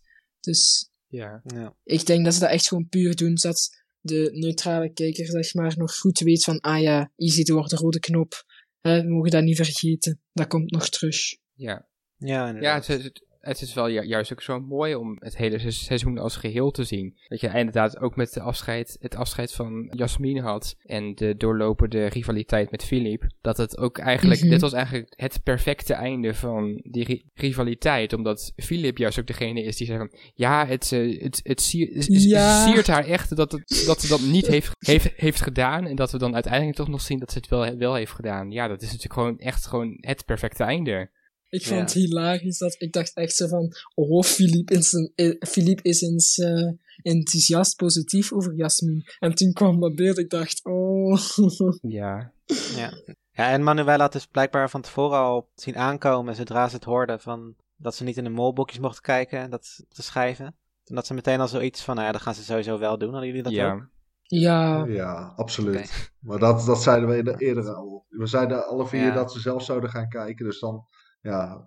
En zeker met deze Ja. groep. Ik had Sven bijvoorbeeld ook nog echt verwacht dat hij ging kijken. Ik vond Sven deze aflevering een beetje anders. Normaal is hij heel erg van het, het winnen, wel geld binnenhalen. Al, al lijkt hij zo inderdaad. Nu ineens, ja, deed hem dat niet zo heel veel. Al deed het vorige keer ook niet met die vijf eh, pasvragen van Annelotte. Met het eten ging hij ook voor één eh, pasvraag. Maar Ja. ja, ik, ik vind hem soms heel erg fanatiek en soms eh, heeft hij zoiets van, oh ja, laat maar zitten, het is goed zo. dat zou misschien wel te maken hebben met dat laatste zinnetje, zo van, verraad wordt beloond of zo, van die dingen. Dat hij daardoor misschien wel dacht van, ah ja, Ja. misschien is het toch voordeliger als ik niet keek. Ja, dat was wel de, de hint inderdaad van dat er nog iets zou komen. Ja, en dat maakte het dilemma toen ook lastiger, denk ik. Toch nog, allee, het, ik had waarschijnlijk alsnog gekeken, maar het is toch wel zo'n extra elementje tijdens een dilemma, waardoor je zou kunnen twijfelen. Ja. Ja. En dat vind ik wel leuk. Ja, en eh, Manuela gaat dus blijkbaar volgende keer, gaat het volgende keer vertellen hoe het is om af te vallen. Daar ben ik heel benieuwd naar. Mhm. Ja, ik Ja. ook. Ja, dankjewel weer. En dan gaan we naar de Ja, en veel wetenschap. hints. Ja, klopt, want eh, Manuela die voelde zich niet zo lekker, maar ze heeft toch gewoon iets ingestuurd. Dus eh, Ja, wat een topvrouw. ja, echt waar. Dat is Inderdaad, heel lief. wetenschap. Maar goed, de hints. Ja. Ja, we hebben geen Jan de Hintman, maar we kunnen dit. Ja, nee, we, we hebben inderdaad geen Jan de Hintman dit seizoen. Maar we gaan het toch proberen zonder hem. Want eh, nou, we, we hebben geen vaste rubriek eh, dit seizoen. Omdat eh, de hints iets, iets minder belangrijk zijn en er vaak iets minder hints zijn. Maar nu dachten we toch van, nou, dus we hebben toch wel een paar go- goede hints. Maar ja, niet allemaal zelf ge- gevonden natuurlijk. Maar die hebben we ook gehoord. Of, of soms wel zelf, zelf, zelf gevonden. Dus laten we toch eventjes eh, een hintrubriekje erin doen en een paar bespreken. Ja. Ja, Ja. dan hebben we. Ik zal eerst wel eventjes de. Nou ja, één hint naar Lennart. Die, die jullie misschien ook nog niet, niet hebben gehoord. En dat is dat eh, het allereerste beeld van dit seizoen, dat is eh, als er een auto rijdt en dan gaat het beeld gaat ondersteboven. En dan zie je ook de zin staan van dat er een verrader is, de mol. Dat, is een dat kan een mogelijke hint zijn naar dat, zeg maar, dat het beeld ondersteboven gaat. Omdat we Leonard meerdere malen op verschillende momenten zien we hem ondersteboven gaan. We zien hem bij de carpool Oh ja. Karaoke opdracht met zwembad en alles zien we hem ondersteboven gaan. En, eh, en, en dat, dat wordt ook echt letterlijk ondertiteld dat Samina volgens mij dat, dat ook zegt van... Oh, Lennart gaat helemaal ondersteboven. Dan hebben we natuurlijk eh, het bubbelvoetbal, waar Lennart eh, het grootste gedeelte van de wedstrijd ondersteboven ligt. Dan hebben we... Take- Takeo Ishii, waarbij die uh, Ja. draait met uh, Annelotte. Ja, klopt. Dat was inderdaad Ah, eh, de derde. Waar dan ook echt heel duidelijk eh, zijn gezicht ondersteboven in beeld wordt gebracht. Dus ja, Ik weet niet of die, die vluchtsimulator ook over de kop ging toen ze crashten. wie weet, wie weet. Maar ja, dat is dus een mogelijke hint naar Lennart. ja, maar dat zijn, dat zijn drie momenten. Dus dat is niet elke aflevering. Nou, tot nu toe heb ik inderdaad nog niet echt gevonden zeg maar, dat het elke aflevering gebeurt. Maar dat zijn in ieder geval drie momenten. Mwah. Nee. Anders nog iets? Nou oké, Tigo is niet overtuigd in ieder geval. Nee. Dan hebben we nog een, ja, de hint van de, de titels. We zitten natuurlijk al, al eh, weken te zoeken naar van, is er iets met die titels aan de hand? En nu eh, sprak ik eh, Sam de Man ook vanochtend of gisteren, ik weet niet meer. Oh, Sam the Man. Ja, en, en, die, en die- die had daar dus een, eh, een hint eh, bij, bij, gevonden. Als je van elke titel de eerste letter en de laatste letter neemt, dan kan daar nu nog uitkomen... Sven is der Ma- Maulwurf. Of hoe je dat ook uitspreekt. en, daar, ja. en daar missen nu nog zes letters bij. En er zijn inderdaad nog wel drie afleveringen. Het is wel een beetje tricky, omdat de laatste is natuurlijk de re- reunie-aflevering. Dus volgens mij heeft hij niet per se een titel. Dus dat is nog een beetje tricky. Maar het klopt op dit moment nog wel. Maar welke letters hebben we dan nu? Ehm, in ieder geval Sven. En dan miste de I volgens mij nog. Dus heb je wel eh, Ist. Ja, en dan missen er nog een paar. dus bij de twee andere woorden. Ik weet zo uit mijn hoofd niet precies welke letters. Maar. eh, Oké. dus dat is. Ja, dat is een mogelijk. Maar wa- waren er überhaupt afleveringstitels dan? Ik, dat was me niet opgevallen. De quotes, denk De ik quotes. dat Oh, de quotes. Ja, de ci- citaten ook. Die van. eh ich bin Ah. ein Berliner. En. Ja, want dat... Kijk, ik denk dat er in de citaten zelf... In het citaat zelf niet iets zit, maar zoiets kan wel gewoon. Simpelweg iets met letters. mhm. Dus dat is Ja, een hele goeie. Dat was vorig jaar ook wel zoiets. Als je de eerste letter pakt en dan weer de tweede letter, kwam ik op een bepaald moment ook echt zo Alina uit. Maar dat was echt puur toeval, want op een bepaald moment stopte dat opeens. Dat was wel echt... Iedereen dacht echt de hint te hebben gevonden, maar dat was uiteindelijk niet. Dat was wel echt... Maar over deze hint, hè. Ja, Ik denk niet dat het nog gaat gebeuren, dat we nog... Hoeveel letters zaten er? Zes volgens mij? Ja, nog op twee afleveringen. Want de reunie tel ik niet mee, want ik, als je verborgen hints erin steekt, dan moeten die wel gewoon tot en met de finale zijn. En niet nog in de reunie-aflevering, vind ik. Want dat is ook zo raar, want dan is de mol, mol al ontmaskerd. ja. het is ook niet echt een originele hint of zo. Ja, Ja, dat op zich. Het, het is natuurlijk wel natuurlijk zo van als je twee letters mist en, en ik bedoel, het woord Sven staat er al wel. Dan is het wel een soort van, ja, ik had het al wel kunnen weten. Dus eh, het is niet helemaal, het is niet onmogelijk, denk ik. Oké, ja, ja, ja. En, en het is wel zeg maar zo'n uitspraak van die clip. Dus het is wel een soort van logische uitspraak. Oké, ja, het kan er nog mee door. Ik heb al veel meer andere rotzooi gelezen, dus dit kan er nog mee door. En dan, he- en dan hebben we nog, nou ja, wat ik, wat ik zelf vind de meest overtuigende hint.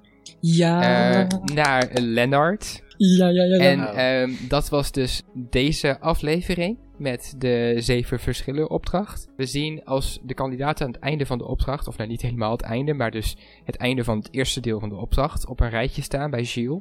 Dan Ja. eh, zien wij op de achterkant van het shirt van Lennart, zien wij een, rode cirkel staan. En natuurlijk de rest van die kandidaat, kandidaten is allemaal bes- bespoten met groen verf. En, en dat is dus de cirkel van Lennart is het verschil in de groep. Oftewel, de mol. En ja. ja, en, en wat dat nog duidelijker ook maakt, is dat we in, in het volgende gedeelte van de opdracht, dan gaan ze dus nog dat eh tikkertje spelen en zo. En dan is dat opeens verdwenen. op zijn shirt. Dus, dus het is natuurlijk niet echt verf, zeg maar, wat er op zijn shirt zit. Maar dat is dus bij de montage hebben ze dus achteraf die rode cirkel erop eh op montages. Photoshopped, I don't know. Oké. En daarbovenop is er ook nog dat die rode cirkel ook de hele tijd wordt gebruikt door de montage bij, de, bij het aandrukken. Ik weet, niet of je dat, ik weet nu niet of je dat gezegd, maar...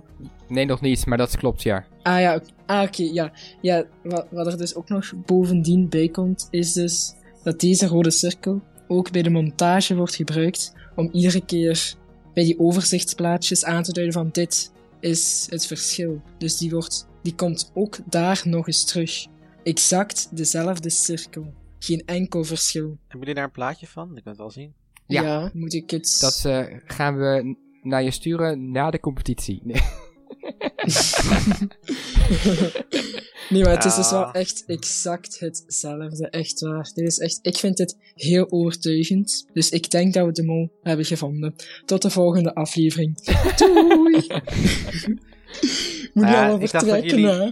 Want ik mij was dus wel iets opgevallen in de aflevering. Op het moment dat, zeg maar, aan het einde van die verschillenopdracht. Dan zie je op een gegeven moment die kandidaten weglopen. Ze hebben gewoon doorgekregen van, nou, jullie hebben 3000 euro verdiend. En dan zie je dus eventjes in beeld een code of een soort van letterreeks. M, H, M, G, E, P, E, A. Oftewel Ja. van Magda, Hugo Ja. naar Elisabeth en Alina. En op het einde een vraagteken. Alleen ja, dat vraagteken zegt natuurlijk niet zoveel. Dat vind ik Ja, heel en ik heb, dus, ik heb dus een beetje eh, gepuzzeld daarmee. En wat ik dus denk waar het voor staat, is Mol heet misschien Gilles en plastificeert een anchovis. Vraagteken. Oké. Maar het kan, mocht, mochten luisteraars nu denken van dat E MHMGEPEA vraagteken staat voor iets anders, dan horen we graag jullie suggesties. Maar dat was een beetje mijn, eh, ja, na drie uur daarop hebben gebroed, eh, mijn conclusie. Dus nou ja, wie weet. Ja, het komt wel heel toevallig inderdaad overeen met alle oud-mollen. Van in de goede volgorde nog en dan de beginletter. Ja, en die vraagteken. Maar dat zou- wel... Zouden we iets met die vraagteken moeten of kunnen uiteindelijk? Ja. Dit is wel, lijkt me aangebracht bewust door de makers of door die graffiti-bende. Ik denk dat dit gewoon een subtiele hint is naar de vorige mollen. Met zo'n kleine knip. Misschien wil dit zeggen dat vraagteken dat dit in beeld komt in deze opdracht wordt ook duidelijk wie de andere mol is door die andere verborgen hint die we net hebben genoemd. ja dat, dat wou ik ook zeggen, inderdaad.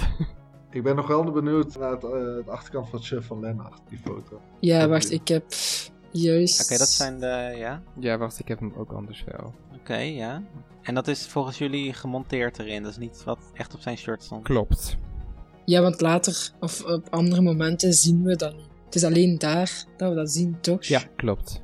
Mag ik zeggen dat Ja. ik hem heel anders vind dan eh, het tekentje die, die eerder wordt gebruikt? Dat hier niet een ronde cirkel is en Dat mag. dat, eh, Ja. Dat mag. Dat mag zeker. Maar het is in ieder geval, ja, het het, is... is, het is bijzonder. Het is toch bijzonder dat dat erop staat en op alle andere momenten niet. Allee, het kan wel zijn dat dat misschien toch niet exact dezelfde cirkel is, maar het is toch Ja, maar het wel gaat erom, als dat echt opvallend. bewust daarop gemonteerd is, dan is het heel raar. Ja, Maar ik ga nog even terugkijken dan. Maar ja, oké, het is een, eh, ja, hm. oké, bijzonder. Ja, Ja, net, vorig jaar was natuurlijk de grap dat A, Lina met Crafty op een muur stond. Ah, en dat ja. bleek geen hint te zijn. Maar nu stond er bij de freerunners wel PDC op de eh, muur met groene letters. Wat op Philip de Kleen zou kunnen slaan. En deze was er ten opzichte van de vorige keer, hebben ze uitgezocht, er wel recent opgeplaatst. Hey, Mhm. nice. Kijk, dat is ook een goeie. ja, inderdaad. En het eerste beeld wat je van Berlijn ziet is een huizenblok en die straten die vormen een A. Maar die vind ik wel heel ver en eh, lastig gezocht. Maar het viel me toch even op. En aangezien eh Anne-Lotte zo'n kandidaat overkomt, dacht ik, gooi ik er toch even een hint richting Anne-Lotte in. Yes. Interessant. De competitie dan maar. Yes. Ja, zijn we er klaar voor? Gaan Nou ja, we- nee, want nu ben ik weer gaan twijfelen door die hint. Dan zal ik beginnen met de afvaller. Ik denk dat Annelotte gaat afvallen. Ik heb het vorige keer ook gezegd. En ik denk het deze keer ook. En dat is eigenlijk echt gewoon nergens op gebaseerd. Want ik denk echt dat ze alle vier gewoon een finale kunnen halen. En stel Lennart is niet de mol, dan zou hij best nog wel kunnen afvallen. Maar ik ga voor nu voor Annelotte, daar ben ik heel zeker van. dat het geen mol is. En als ik dan kijk naar de andere kandidaten, schat ik haar toch net iets minder sterk in. En dan denk ik dat we weer een mannenfinale gaan krijgen. Dennis? Is er, al, is er al eerder een mannenfinale geweest dan? Ja, Ja, in Pieter. Mexico. Mexico. Pieter, Baha Oh ja. en Lloyd. Ja, dat is waar. Ja. Oké. Ja, nee, ik, eh, ik ga daarin mee. Ik zeg ook Annelotte, ook al zegt mijn gevoel dat mogelijk Philip gaat afvallen. Maar deze aflevering dacht ik toch van ja, hij zit op één persoon. En dan had hij nu eigenlijk wel een beetje moeten afvallen. En hij zit er, zit er nog steeds in. En hij heeft nu natuurlijk ook die, die extra informatie nog. Dus ja, het is wel heel raar als hij dan opeens zou afvallen. Dus ja, dan toch maar Annelotte. Ik denk ergens wel dat ze nu allemaal op de goede mol zitten. Ik, ik, dat, dat denk ik dus niet door, door het voorstukje van Shield. Maar Ja, maar zegt hij dan niet altijd een beetje van, maar zit iedereen wel op de goede mol? Ja, het is toch... Ja, het zorgt wel voor speculatie natuurlijk. Mhm. Tigo, weet jij het ondertussen al? Ehm, ja, ik ga als afvaller toch voor Lennart. Omdat ik denk... ja, ja, ik zie Annelotte zie ik gewoon echt in de finale staan. En ik, ik, kan, ik kan me haar gewoon niet echt voorstellen met een rood scherm. dat staat niet bij haar. Nee, dat vind ik gewoon... Nee, ja. nee dat, dat zie ik gewoon niet voor me. Die gaat echt tot het bittere einde. En nou ja, Sven denk ik dus ook dat hij in de finale komt. En Philip... Ja, het ding is, ik denk dat ze... Kijk, Philip wordt zo verdacht gemaakt al het hele seizoen lang... dat ik denk dat hij daarom in de finale komt. Zodat ze nog... Ja, zodat hij gewoon de hele tijd nog verdacht blijft, zeg maar. Want als Philip nu afvalt, dan... Weet niet, dat zie ik niet... Nee, dus... Nee, Lennart. Oké, dan gaan we naar de winnaar. Ik ga nog bij Sven blijven. Ik, waar ik hem in het begin eigenlijk niet zo heel leuk vond, merk ik wel dat ik Sven steeds veel leuker ben beginnen vinden. En ik gun hem ondertussen die overwinning ook wel. En ik denk ook gewoon dat het gaat gebeuren, dus ik ga voor Sven. Dennis? Ja, ik ga ook wederom ga ik mee op Sven. En dat is inderdaad ook al, ja, dat doe, ik al een tijdje. En dat is eigenlijk toen ook begonnen. Toen Sven met zonnebrandcrème mol schreef op de rug van Lennart.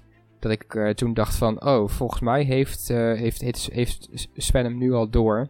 En ja, dat, dat is nog niet uit de beelden echt naar voren gekomen. En dat, dat, dat spreekt misschien ook juist wel daarvoor. Dat het, dat het ook zo is dat ze dat een beetje verborgen houden.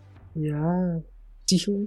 Ik denk dat als Annelotte op de goede mol zit, dat niemand haar verslaat. Dus ja, Annelotte wordt de winnares. Oké, onze afvaller dus. Spannend. Mhm. Maar wat nog spannender is, is de volgende vraag. Hoe heet de mol?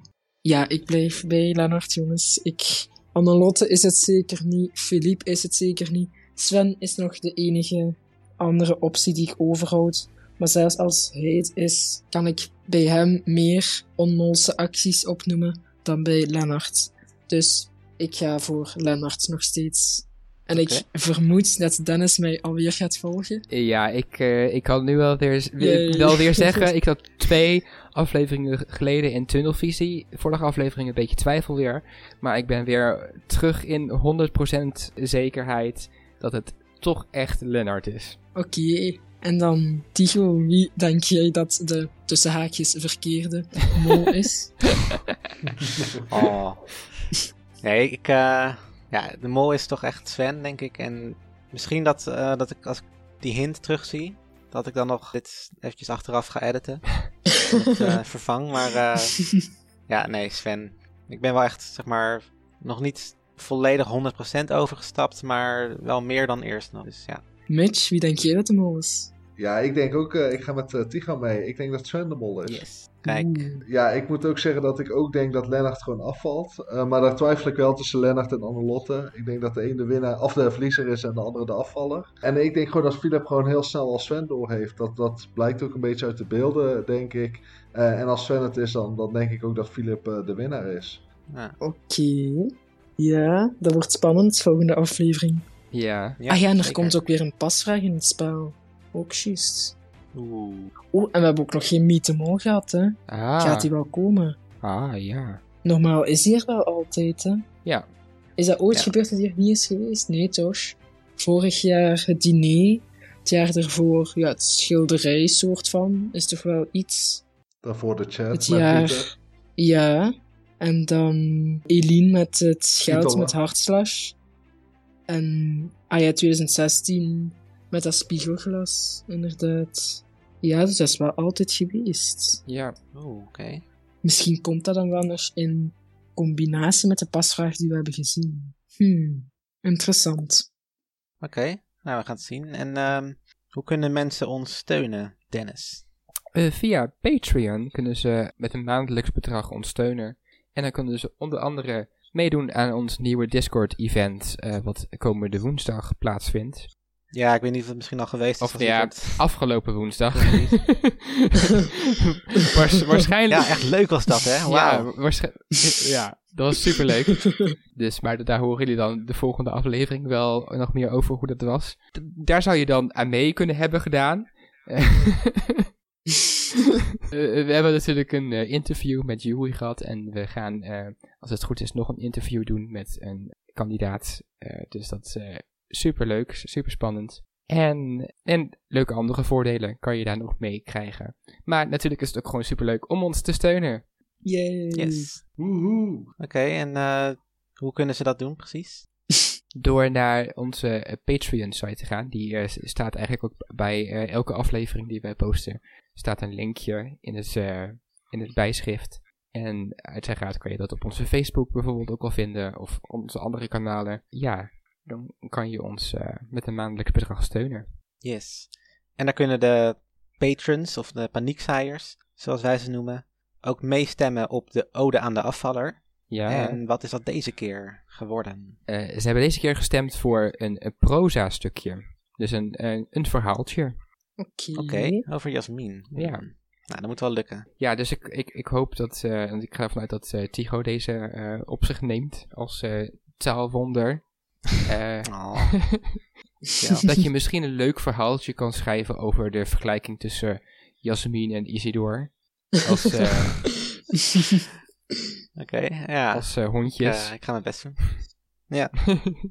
Oké, nou ja, ik, eh, ik zal driftig gaan pennen. En dan het, het resultaat horen jullie zo. Maar eerst nog eventjes dankjewel Mitch dat jij eh, langs wilde komen en voor eh, al jouw bijdrages. Graag gedaan. Het was een eer om, eh, om erbij te zijn. En het was super gezellig. Yay. Ja, nou, vonden wij ook. Dus eh dankjewel. Ja, leuk dat je erbij was. En ehm, volgende week gaan de kandidaten flink aan de paddo's en gaan we zien wat dat voor gevolg heeft. Tot dan. Oké. Orde, orde, riep Shield de rechter, want de gemoederen liepen hoog op in de zaal. Jasmin voelde zich niet helemaal op haar gemak.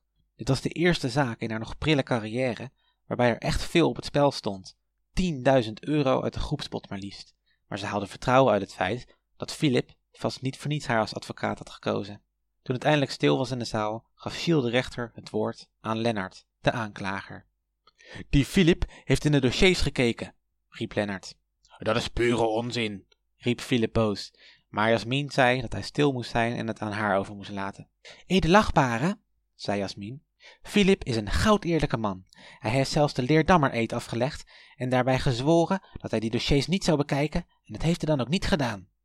Maar Lennart leek overtuigd van zijn gelijk, evenals zijn advocate Annelotte, die riep. Hoe verklaren jullie dan dat de dossiers open lagen nadat Philip in de kamer was geweest? Nog voor Jasmin iets kon zeggen, riep Philip terug. Dat kwam omdat ik in razend tempo naar buiten ben gegaan, omdat ik zo ver mogelijk met die dossiers uit de buurt wilde blijven. En toen trok ik de deur zo snel open dat een windvlaag die dossiers heeft doen openwaaien. Lennart en Annelotte barsten in lachen uit. En Jasmin probeerde Philip nogmaals uit te leggen dat zij beter het woord kon houden. Wie zegt dat Philip dat heeft gedaan en niet een van jullie? vroeg Jasmin. Hebben jullie daar bewijs voor? En toen haalde Lennart een diarol tevoorschijn. Hier staat het allemaal op, zei hij. Philip en Jasmin schrokken zich een hoedje. Als die dia's worden afgespeeld, dan is de zaak verloren. Haar hele reputatie zou dan naar de vaantjes gaan. Haar hele carrière naar de knoppen. Lennart liep al richting de diaprojector, die toevallig in de rechtszaal stond. En Philip siste wanhopig tegen, tegen Jasmin. Doe iets, snel! Jasmin dacht na. Maar ze wist dat ze verloren hadden. Wanhopig probeerde ze nog een uitweg te bedenken. Maar ze werd ook afgeleid door Isidor, die driftig door de zaal heen rende en luid blafte. Ondertussen had Lennart de diaprojector gereed gemaakt en duwde op de knop om hem aan te zetten. Toen draaide hij zich om met een tevreden glimlach en keek naar de muur, waarop nu te zien was hoe Philip het kamertje binnenliep. Maar toen viel Jasmin iets op Aan de achterkant van de trui van Lennart zag ze een grote rode cirkel. Dat moest graffiti zijn, dacht ze. En dat bracht haar op een idee, maar dan moest ze snel zijn. Jasmin liep richting Lennart en ging naast hem staan. Ze sloeg hem op zijn rug en ze zei: Ha, malle jongen, je zult zo wel zien dat Philip het kamertje weer verlaat zonder zelfs die dossiers te hebben aangeraakt. Pff, zei Lennart, dat geloof je toch zelf niet? Lennart ging zo op in de blijdschap van de vrijstelling die hij binnen enkele momenten zou krijgen als beloning, dat het hem niet opviel dat Jasmin wel erg lang op zijn rug bleef wrijven. Toen bewoog Jasmin haar hand, die nu onder de rode graffiti zat, subtiel richting de diaprojector en wreef over het aan-uitknopje. Al snel werd die knop rood van kleur. Toen wenkte ze Isidor en wees naar de projector. Inmiddels hadden ze Isidor zo goed getraind dat hij bij het zien van elke rode knop meteen helemaal wild werd, en dat gebeurde nu ook. Net op het moment dat in de projectie Philip vooroverboog om een dossier te pakken, vloepte het beeld weg. Hela, wat is dat hier? riep Lennart, maar hij zag al snel wat er aan de hand was. Isidor was op de diaprojector gesprongen om op de knop te drukken, maar in zijn druistigheid was hij door de diarol gesprongen, die al snel om hem heen was gewikkeld. Geschrokken beet Isidor de dia's helemaal aan flarden. Die was nu onbruikbaar geworden en daarmee was het bewijs vernietigd. Er werd besloten om de opdracht maar te cancelen, de groepspot bleef intact en hoewel Jasmin die aflevering afviel, ging ze met een welvoldaan gevoel weer naar huis.